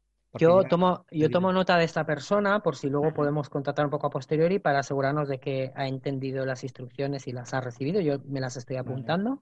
Y en todo caso. es, pues ya te digo, esto depende de la unidad de Cataluña en el Departamento de Trabajo y bueno, Departamento de Trabajo y Asuntos Sociales. ¿Vale? Ya, ya te digo, y, que el, centro, digamos, la oficina principal está, ya te digo, en la calle Alvareda, número 24 de Barcelona. Vale, yo lo tengo apuntado por si luego podemos hablar con esa persona. Un comentario, un comentario que, nos hace Julia en público, y es verdad que también fue mi caso, yo lo tramité a través de una asistenta social en su momento. También se puede hacer, pero se puede hacer personalmente, no hay ningún problema. ¿eh? Vale. A veces el asistente social, cuidado, ¿eh? También hay algunas que no, son, no aconsejan lo mejor, ¿eh? Porque yo he tenido un caso de que una pobre mujer que tenía para plantearse una incapacidad permanente le dijo que no valía la pena y que no hiciera nada.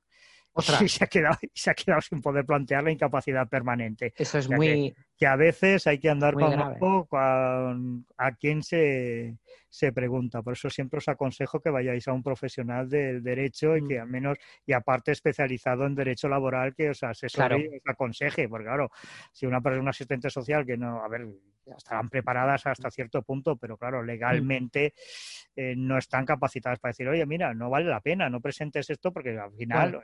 me imagino, Isidoro, que como, como en botica, ¿no? Habrá de todo. Yo, mi experiencia con mi asistente social fue muy positiva, creo que la de Julia, por lo que comenta también, pero claro, habrá gente para todo y después de todo el profesional eres tú, eso también hay que reconocerlo. Bueno, somos, o sea, hay muchos profesionales. Aparte de yo, hay nosotros aquí ¿eh? en la casa contamos contigo y, los, socios, y los socios. Y, yo estoy aquí para ellos, que ya lo sabéis, pero ojo, hay alguno que a lo mejor no dirá, pues a mí si no me convence, pues bueno, que, pues nada, que, somos muchos abogados, o sea, pues que, no sé, es cuestión de, de, encasillar a uno, decir, oye, pues a mí este letrado o este abogado no me acaba de convencer, pues oye, que, hay muchos y buenos, ¿eh? O sea, que, mm.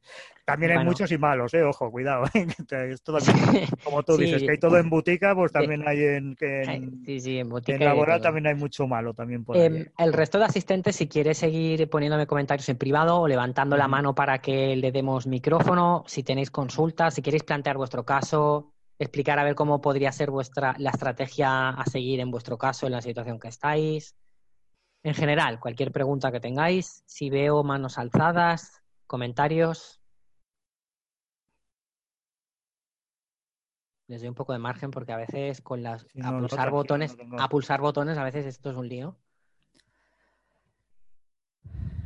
Vale, ¿alguien quiere hacer algún comentario más?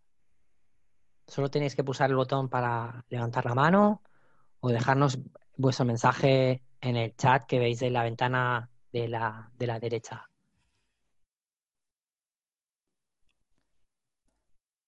Oye, pues yo asumo esto como. Ay, espera, aquí. Iba, a decir que yo asumo que es un éxito, ¿eh? Si todos están sin dudas. Bueno, también presencialmente es más sencillo, ¿eh? Esto, mira, es un dato, es un dato que creo que es interesante, que mucha gente no sabe y que además yo he dudado en alguna ocasión cuando he visto que a alguien le han, le han denegado o, que ha habido un cambio importante en su situación médica, nos pregunta Julia que cada cuánto es revisable la discapacidad. No, la discapacidad no es revisable.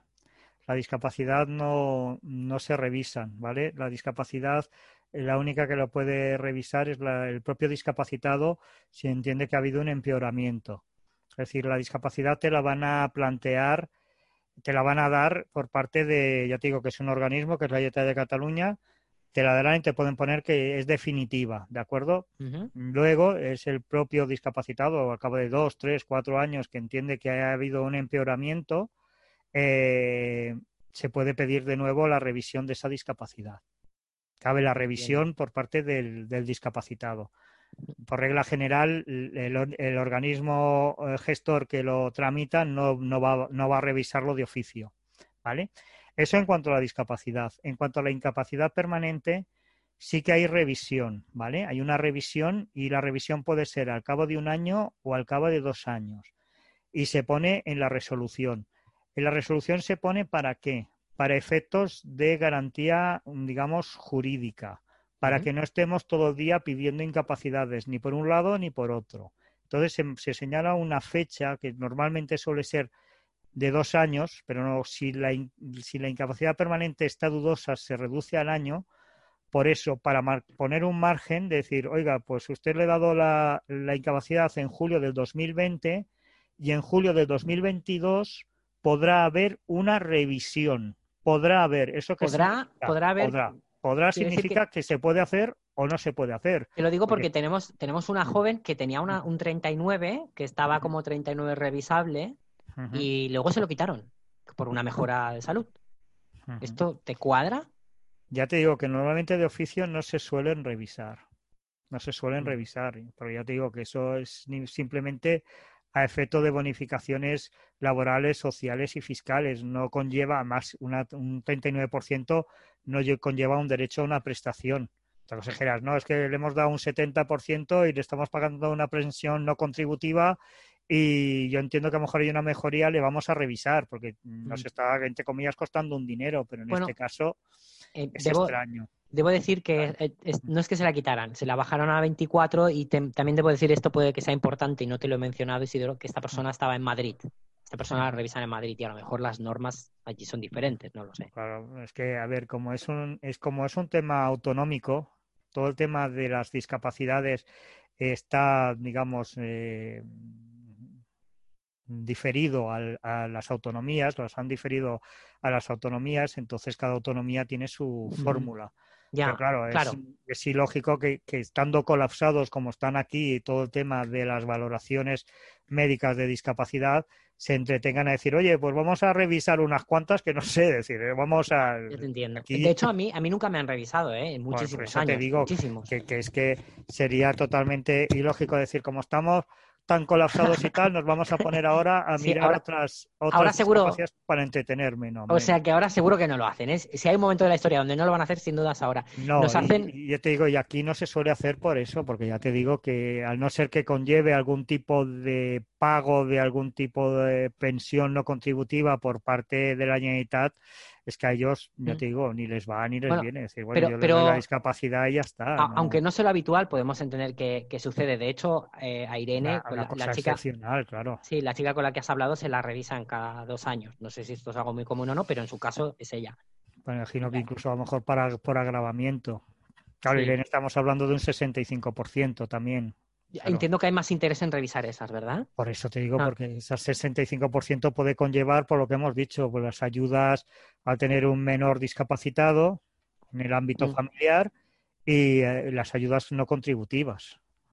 De hecho, otra persona nos comenta en privado que cuidado con pedir revisiones de grado de discapacidad por sí, porque también pueden quitarte tanto por ciento claro, Claro, claro.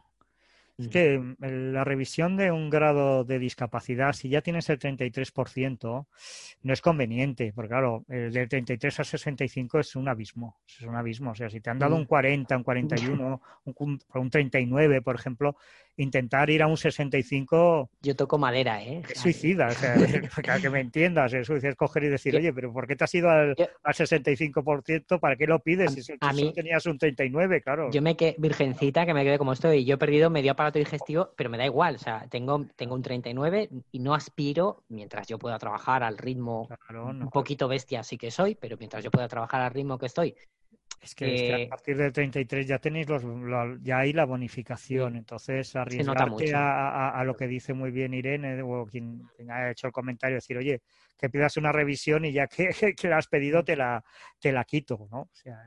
Eso no pasa, por ejemplo, en la incapacidad permanente, ¿vale? Incapacidad permanente total, si tú tienes una incapacidad permanente total, lógicamente tú también la puedes revisar por agravamiento. esto, los que sois casados, que yo, yo como buen solterón de oro, no tengo ni idea. la, persona que ha hecho el comentario anterior me, comenta que hay bonificaciones fiscales si eres trabajador activo y tienes un cónyuge con minusvalía de más del 33% a cargo. También, también, también. y esto no lo sabía, ¿ves? Es, sí, sí, una cosa también, ni idea. También, lógicamente. Y, y lo que estábamos hablando de Irene, pues también los padres de Irene también tienen esa bonificación fiscal por tener una, una hija a cargo. Sí, lo del hijo lo sabía, pero... Sí, pero la, el cónyuge o la cónyuge también, ah, también lleva esa bonificación. Caray. Pasa que tiene que tener unos ingresos inferiores a 8.000 euros. Ajá, ese matiz es, contundente. Sí sí, sí sí O sea, si, si el cónyuge discapacitado tiene unos ingresos superiores a 8.000 euros, no hay bonificación.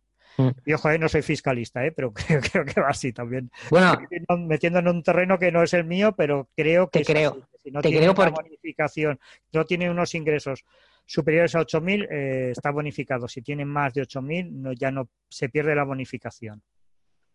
Ajá, eso es, es interesante, la verdad. Bueno, sí, o sea que, por desgracia, uno que tenga 8.100, por ejemplo, ya no tiene esa bonificación. Y si tiene 7.900, sí hay esa bonificación. O si, tienen una, o si tienen una incapacidad permanente absoluta que no tributa, me comentan también. Sí, claro, claro. pero, pero, porque no se declara esa cantidad. Claro, claro, entiendo. está exento. Por eso digo, por ahora, como os he, hecho, os he dicho muy bien, está exenta. Que no venga ningún iluminado diciendo que porque los incapacitados permanente absoluto no se está pagando a Hacienda. Entiendo. Hay una, consulta, ya que si no hay más consultas o mientras la gente se decida escribir alguna que otra más, y hay una cosa que te quiero trasladar que, me pasa mucho manejando no solo a, los socios de las consultas que puedan hacer en, el buzón de, consultas aquí en Acu Cataluña, sino en los foros donde yo colaboro, donde ya llevo años viendo un poco el sentir general de la, gente en materia de las pensiones, las bajas y demás. La gente normalmente eh, tiende a hacer una especie de de baremo mental. Y me explico. Eh, si a una persona le han hecho tres operaciones y le han dado un 33%, normalmente viene otra persona, se compara con la primera, me han hecho tres operaciones, también tendrían que darme el 33%, pero estoy enfadado porque me han dado un 26%, me lo invento. Y muchas veces estamos intentando medir o anticipar o calcular el baremo de discapacidad que nos van a dar solo por las operaciones que nos han hecho. Pero lo que yo observo es que eso no es tan, no es tan exacto como parece. No hay un baremo tan cuadriculado. Por ejemplo, a mí me han operado 16 veces, pero no verás absolutamente a ningún paciente de Crohn con la forma física y la salud que tengo yo. Es decir, que cuanto más me han operado, mejor me he encontrado. Y esto es, es mi caso particular. Entonces, ¿qué podríamos decir de esto? Porque creo que es algo que hay que desmitificar un poco. Bueno, es que piensa que la discapacidad se regula a través de un baremo del año 1999, ¿vale? Para empezar, mm. ¿vale? O sea que los grados de discapacidad y el porcentaje que se aplica está regulado en un real decreto. Es lo que es el aparato digestivo, tanto la enfermedad de Crohn como la colitis ulcerosa no están en ese baremo.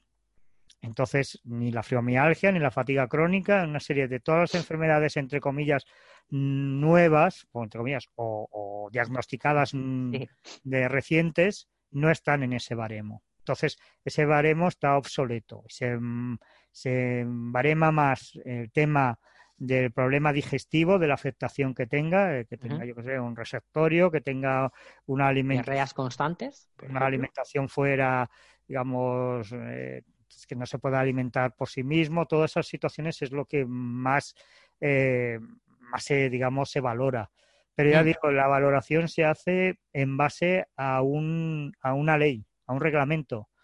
Es decir, que por lo tanto no es tanto la valoración física que tenga una persona, sino llevar esa enfermedad a ese baremo y si ese baremo lo, está recogido no está recogido. Si no está recogido, ¿cómo lo, cómo lo porcentuamos? ¿Cómo con, la, con, la, con, la, consiguiente pérdida de información importante sobre la calidad de vida real del paciente, porque a lo mejor dos personas con la misma enfermedad, nosotros que te podemos tener un CDAI que puede ir entre 0 y 600 con riesgo vital Claro, no son dos personas que estén en la misma, en la misma situación, aunque tengan el mismo diagnóstico, ¿no? Sí, sí, no, no, es que claro, y aparte es lo que te digo, que, que, lo peor que puede existir es que alguien haga un baremo que encima lo ha hecho un legislador que no tiene ni idea de medicina y que tú tengas que ajustarte la enfermedad que tenga ese paciente al que le vas a valorar a través de ese baremo. Lógicamente, ahí se va a perder todo el tema de, calidad, ¿no? De, calidad, de, objetividad, de decir, oiga, es que este señor tiene una fatiga crónica tan brutal porque lleva, yo que sé, 10 años con la fatiga crónica que es un agotamiento extremo. Claro, ese agotamiento extremo, ¿cómo lo valoro? Si es que este, este señor hace solo la transferencia de la cama al sofá, del sofá a la cama, pues, a lo mejor tendría más de un 65%, pero como esa enfermedad no la tenemos tasada o, valorada en ese baremo, pues a libre albedrío del, que hace el porcentaje un, comentario en favor de los médicos evaluadores del ICAM que a, uno de los asistentes le trataron con toda la humanidad del mundo. Eso siempre está Muy bien, como debe hay de todo, hay de todo. sí, sí, claro. Y a, lo mejor es un, a mejor es un evaluador médico que se nos ha colado en la, en la reunión. Bueno, todos, todos fueran, todos los comentarios fueran positivos, ojalá y, reales, por Hay de todo, hay de todo. Pero más aparte, que por desgracia nos llegan historias también hay jueces buenos y también hay jueces malos y hay de todo. O sea que respondiendo a la broma, ¿no? dicen que no es el caso, ¿eh? que no es evaluador médico. Pero bueno, está, está bien hacer un poco de broma con el tema. pero siempre, sobre todo, sobre todo, es bueno ver que hay comentarios positivos, porque también a veces llegan casos complicados. Mi, consejo es que vayan acompañados también. Que también así el evaluador médico se corta un poquito más también. Ah, sí, eso es, bueno saberlo. a mí estas cosas, no sé si has oído alguna vez, Isidoro, que te dicen, tú ves en pijama, despeinado. No, bueno, eso, eso, en el yo juzgado. estas, cosas, yo no sé si son muy reales o no. Yo, Se me ocurría hacer tal cosa, ¿eh? Yo no, podría, sí, eso, pero eso en el juzgado. Eso cuando vas al juzgado, ya el abogado que te lleva ya te dice cómo tienes que ir vestido y cómo tienes que ir. Ostras, me parece muy fuerte, ¿eh? Gracias a... Yo, yo no soy agraciado y tal, pero por desgracia hay alguna alguna paciente que además es, tiene un, además con el tema de la, de la cortisona y todo, que es la cara de luna llena, pues sí, sí, se nota. Se nos nota mucho, es verdad. Yo tuve un caso de una, de una paciente que era, era rubia, tenía ojos azules y realmente era una chica que tenía una cara, pues vamos, que decías, bueno, ¿y esta chica para qué viene a pedir una incapacidad permanente absoluta? Pues la teníamos el pelo de negro. Ay, caray. ¿Qué cosas? Y le, hemos, conseguido la incapacidad permanente absoluta. Para ella fue una desgracia, pero bueno, fue una desgracia temporal. Luego ya ha vuelto a ser rubia y ya está. Pero que Creo... que, que, no es tontería. Claro, en un evaluador médico no. Es una lástima. Va a valorar, va a valorar los informes. Pero ante un juez que no es médico, llevar a una persona normalmente siempre de oscuro. No llevar joyas intentar que no lleve las gafas de sol encima de la cabeza, porque también lo hay de todo. Ya, ya. Eh, Caray, estas cosas. Un poco de, guía, claro. Eh, los, pacientes lo tienen mejor, porque con que lleves tres o cuatro días sin afeitar y unas ojeras de tal, pues ya, ya vas, ya pasas, ¿no? Pero mm, parece una tontería, pero es importante la primera impresión que tenga el juez.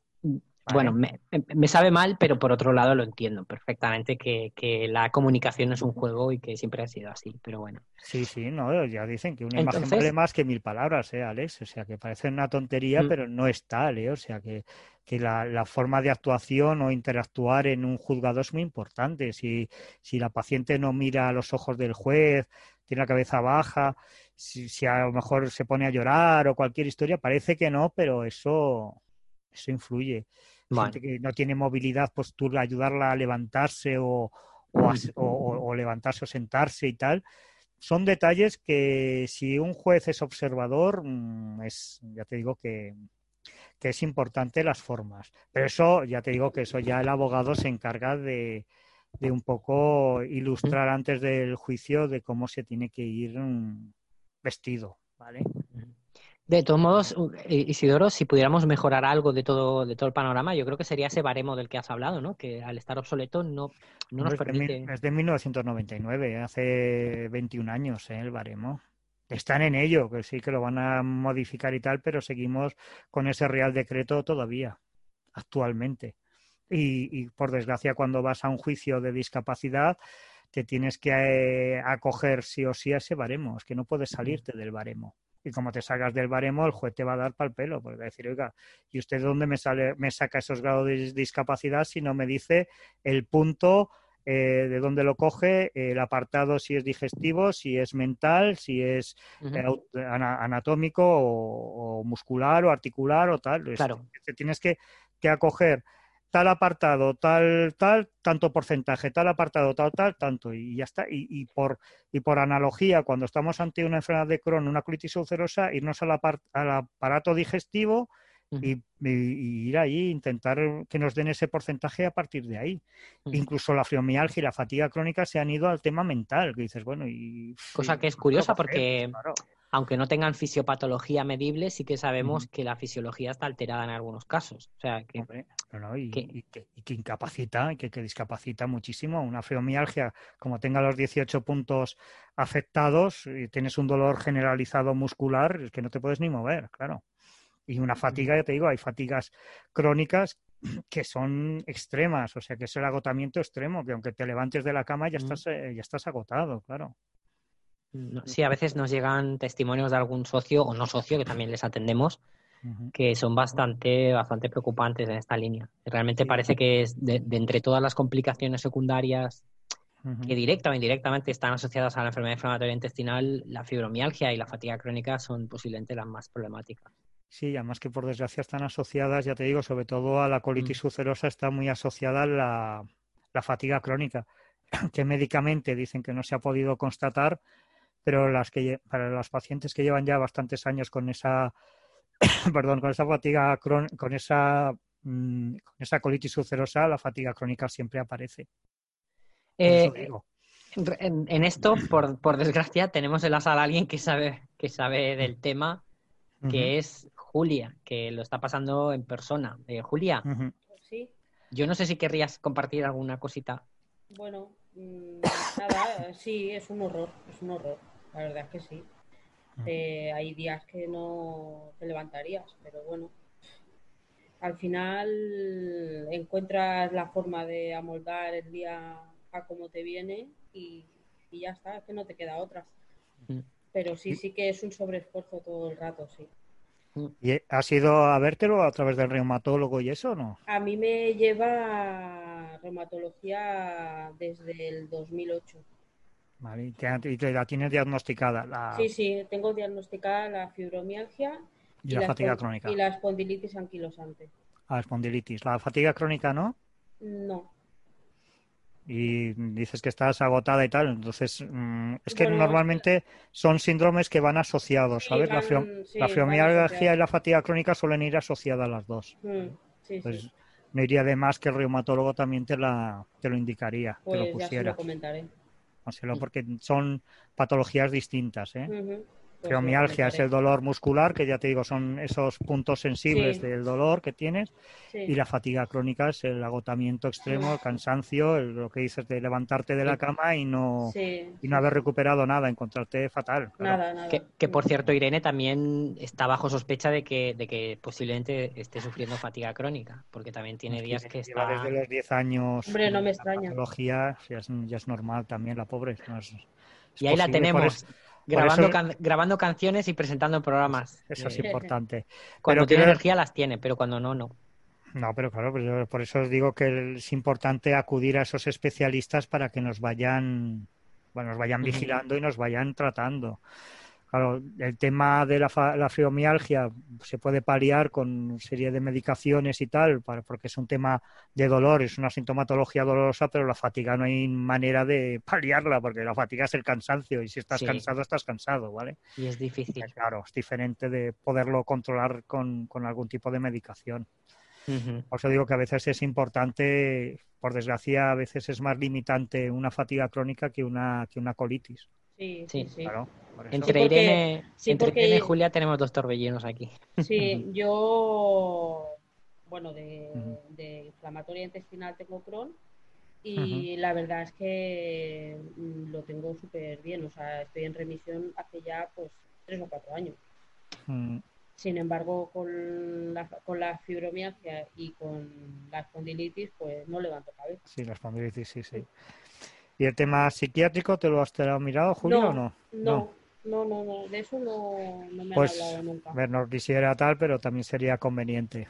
Y más que nada por ir, por ir eh, recopilando informes y tal. Dios no quiera, pero el día de mañana, por lo que fuera, decir, oye, pues mira, ya tengo un seguimiento.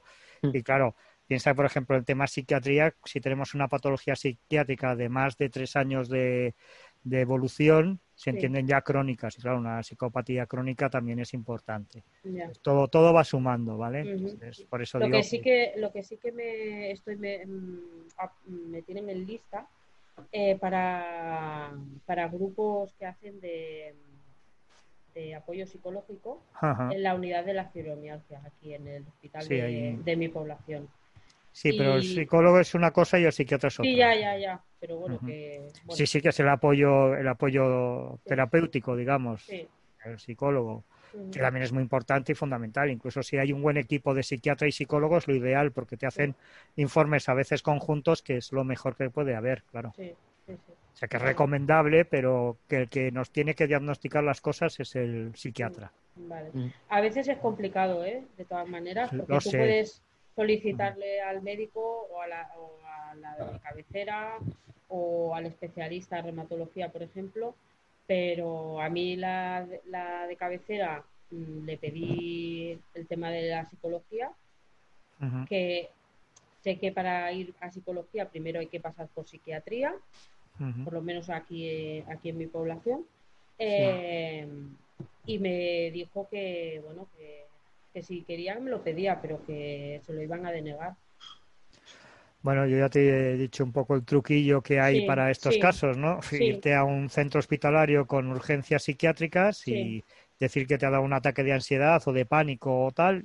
Normalmente también aconsejable ir acompañado de algún familiar y que te deriven a un centro de salud mental de adultos y ya entrado en el centro de salud mental de adultos ya tienes un psiquiatra que te hará el seguimiento.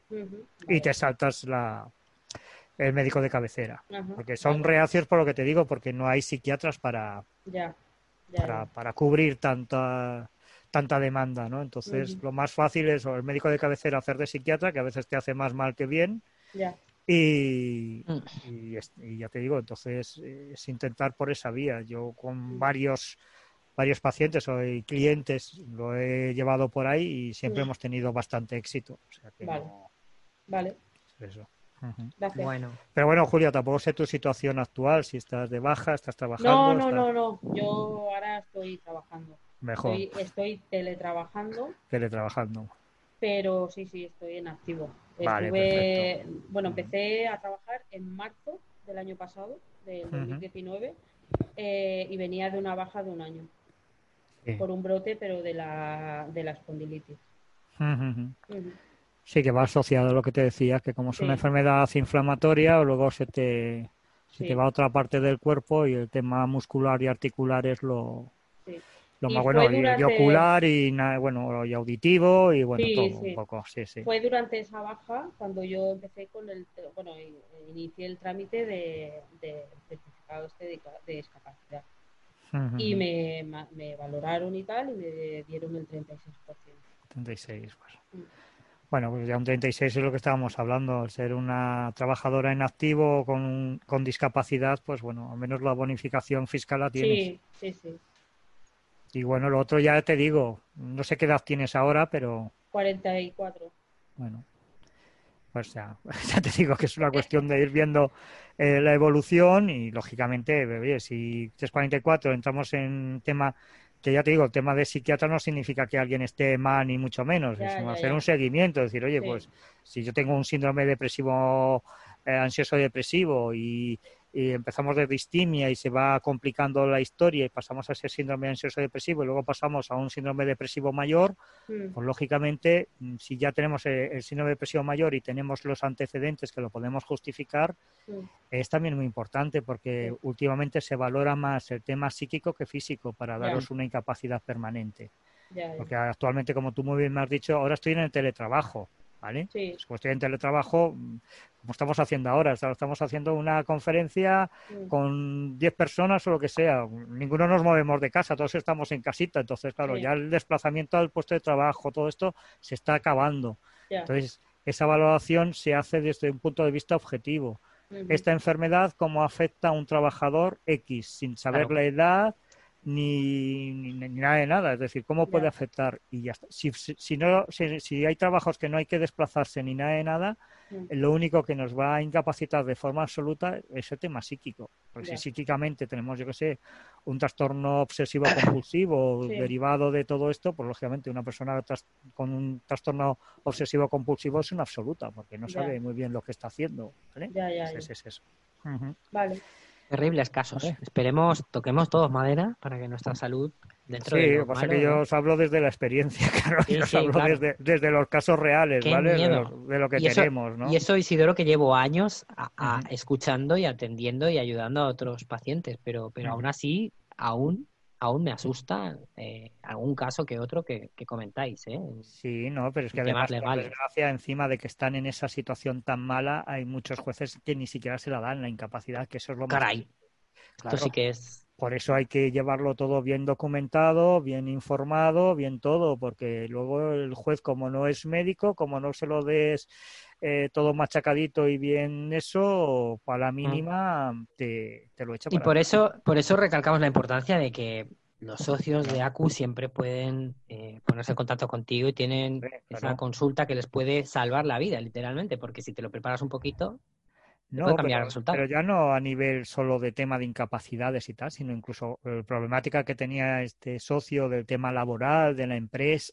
y tal, pues igual, decir, oye, yo tengo miedo a esto, y si Isidoro, ¿tú qué me aconsejas? ¿Cómo lo ves? Estas bajas mm, prolongadas, cómo me puedo defender, qué, puedo hacer con la empresa, o sea, cualquier cosa, cualquier consulta sin ningún problema. ¿eh? Yo, no solo a nivel de incapacidad, sino cualquier conflicto laboral, porque nosotros eh, somos expertos tanto en la, en la problemática laboral, despido, reclamaciones de cantidad, todo esto, como incapacidades, por supuesto.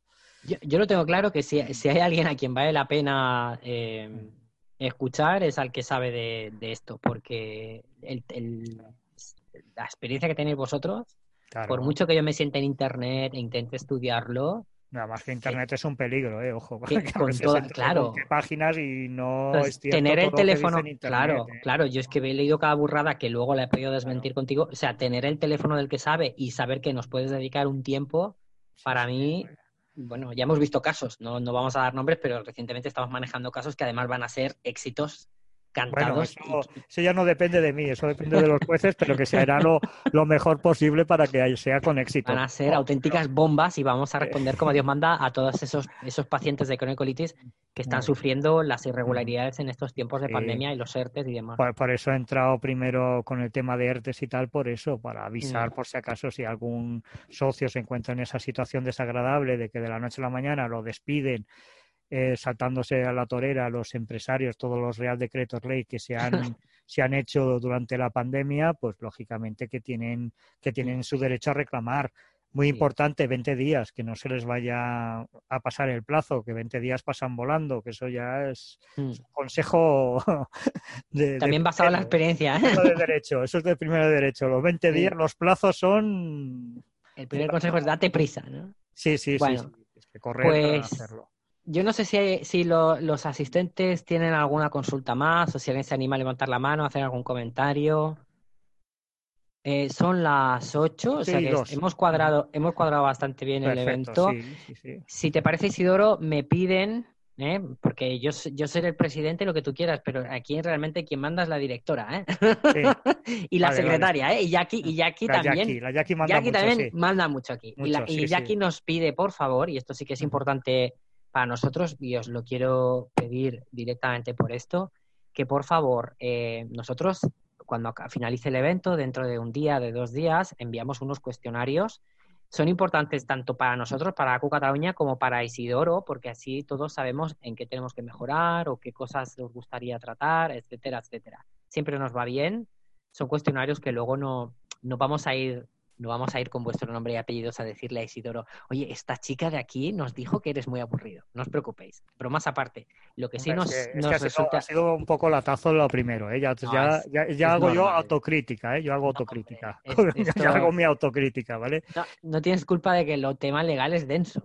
Ya, pero bueno, te quiero decir que presencialmente es mucho más ameno, es mucho más ágil, es todo mucho más tal, claro. Ahora pero... estamos enlatados en esto Sí. ya te digo, es autocrítica, ¿eh? No estoy intentando excusarme de nada. Ahora todos metidos en el Zoom, pero, pero bromas aparte, sí que os queremos pedir, nosotros os haremos llegar una encuesta por correo y que por favor nos contéis, bueno, pues que evaluéis el evento.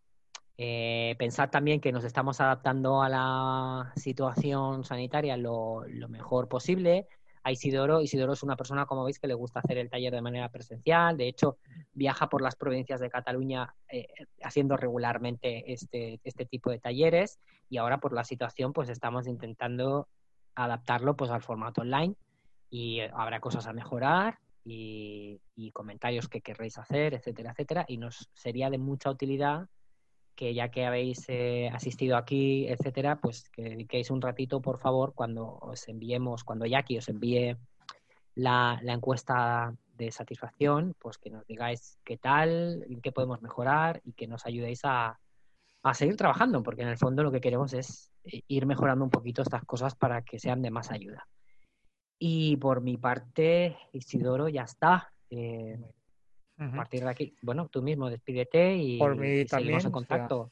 daros, daros las gracias por estar en este taller, ¿vale? Mm, también, como dice Alex, esto ha sido una, una excepción, espero que sea una excepción hacer eh, este tipo de talleres vía, vía telemática, vía informática y que las próximas talleres se hagan ya de forma presencial donde digamos que la, tanto la exposición como vuestras dudas y tal, pues se suelen despejar mientras se va haciendo la conferencia y es, ya te digo, ya es mucho más mm. entretenido y mucho más ilustrativo porque vamos resolviendo dudas que a veces pues por, la distancia del internet y tal es complicado y, hacerlo presencialmente es lo ideal por eso porque es una cosa muy dinámica y entonces cualquier comentario oye pues mi, mi tema es este ¿cómo tú lo ves? Tal, como hemos hecho con Irene como hemos hecho con, con Julia pues claro ir haciendo un poco esa, esa interrelación entre unos y otros y nada, simplemente daros las gracias y, espero que muy pronto pues nos volvamos a ver y con y cualquier duda o cualquier cosa pues a través de Alex, Jackie y la, y la directora pues lo, vayamos resolviendo, ¿vale? Muchas gracias. Pues nada, chicos, eh, gracias a todos. Eh, aquí en general hay comentarios de agradecimiento, Isidoro, que lo sepas, ¿vale? Es que ha sido un saludo, un saludo y que ha sido un placer compartir este ratito con nosotros que ha sido muy interesante, muy ameno, que lo sepas, que también hay comentarios en esa línea para que veas que no todo el mundo piensa que esto es un ladrillazo. y pues nada, pues gracias a todos, eh, seguimos en contacto, ya sabéis dónde encontrarnos, cualquier cosa, correo electrónico. Nosotros vamos a intentar hacer actividades regularmente. La semana que viene tenemos un taller sobre la influencia de la microbiota, no es un taller, es una formación del doctor Xavier Aldeguer sobre la influencia de la microbiota intestinal y los descubrimientos científicos que han hecho, que hay una relación muy grande entre la flora bacteriana, lo que antes se llamaba la flora bacteriana, y, la enfermedad de Crohn y la colitis ulcerosa, y tener a un miembro del consejo asesor de ACU Cataluña como Xavier Aldeguer, que es un experto científicamente hablando en estos temas, y los grandes descubrimientos que han hecho, incluso test que podrían diagnosticar el Crohn y la colitis con una simplicidad y con una sencillez en el futuro, que podríamos eh, mejorar mucho nuestra calidad de vida, incluso medir los brotes, medirlos de una manera exacta. Total, vamos a hablar la semana que viene de cosas estupendas. Entonces, yo os recomendaría que si no os habéis registrado todavía, quedan un par de días para cerrar las plazas y ya hay más de 60 personas. O sea que aprovecho para deciros que le echéis un vistazo si a, los correos de ACU, que tenéis la invitación en uno de ellos. Y, ya está. Eh, a partir de aquí, pues bueno, seguimos en contacto, correo electrónico, teléfono. Ya sabéis que Jackie sigue también desde casa, teletrabajando, pero con el teléfono desviado, así que podéis seguir llamando al teléfono de ACU. Y seguimos a vuestra disposición. Y nada más por mi parte. Muchísimas gracias a todos.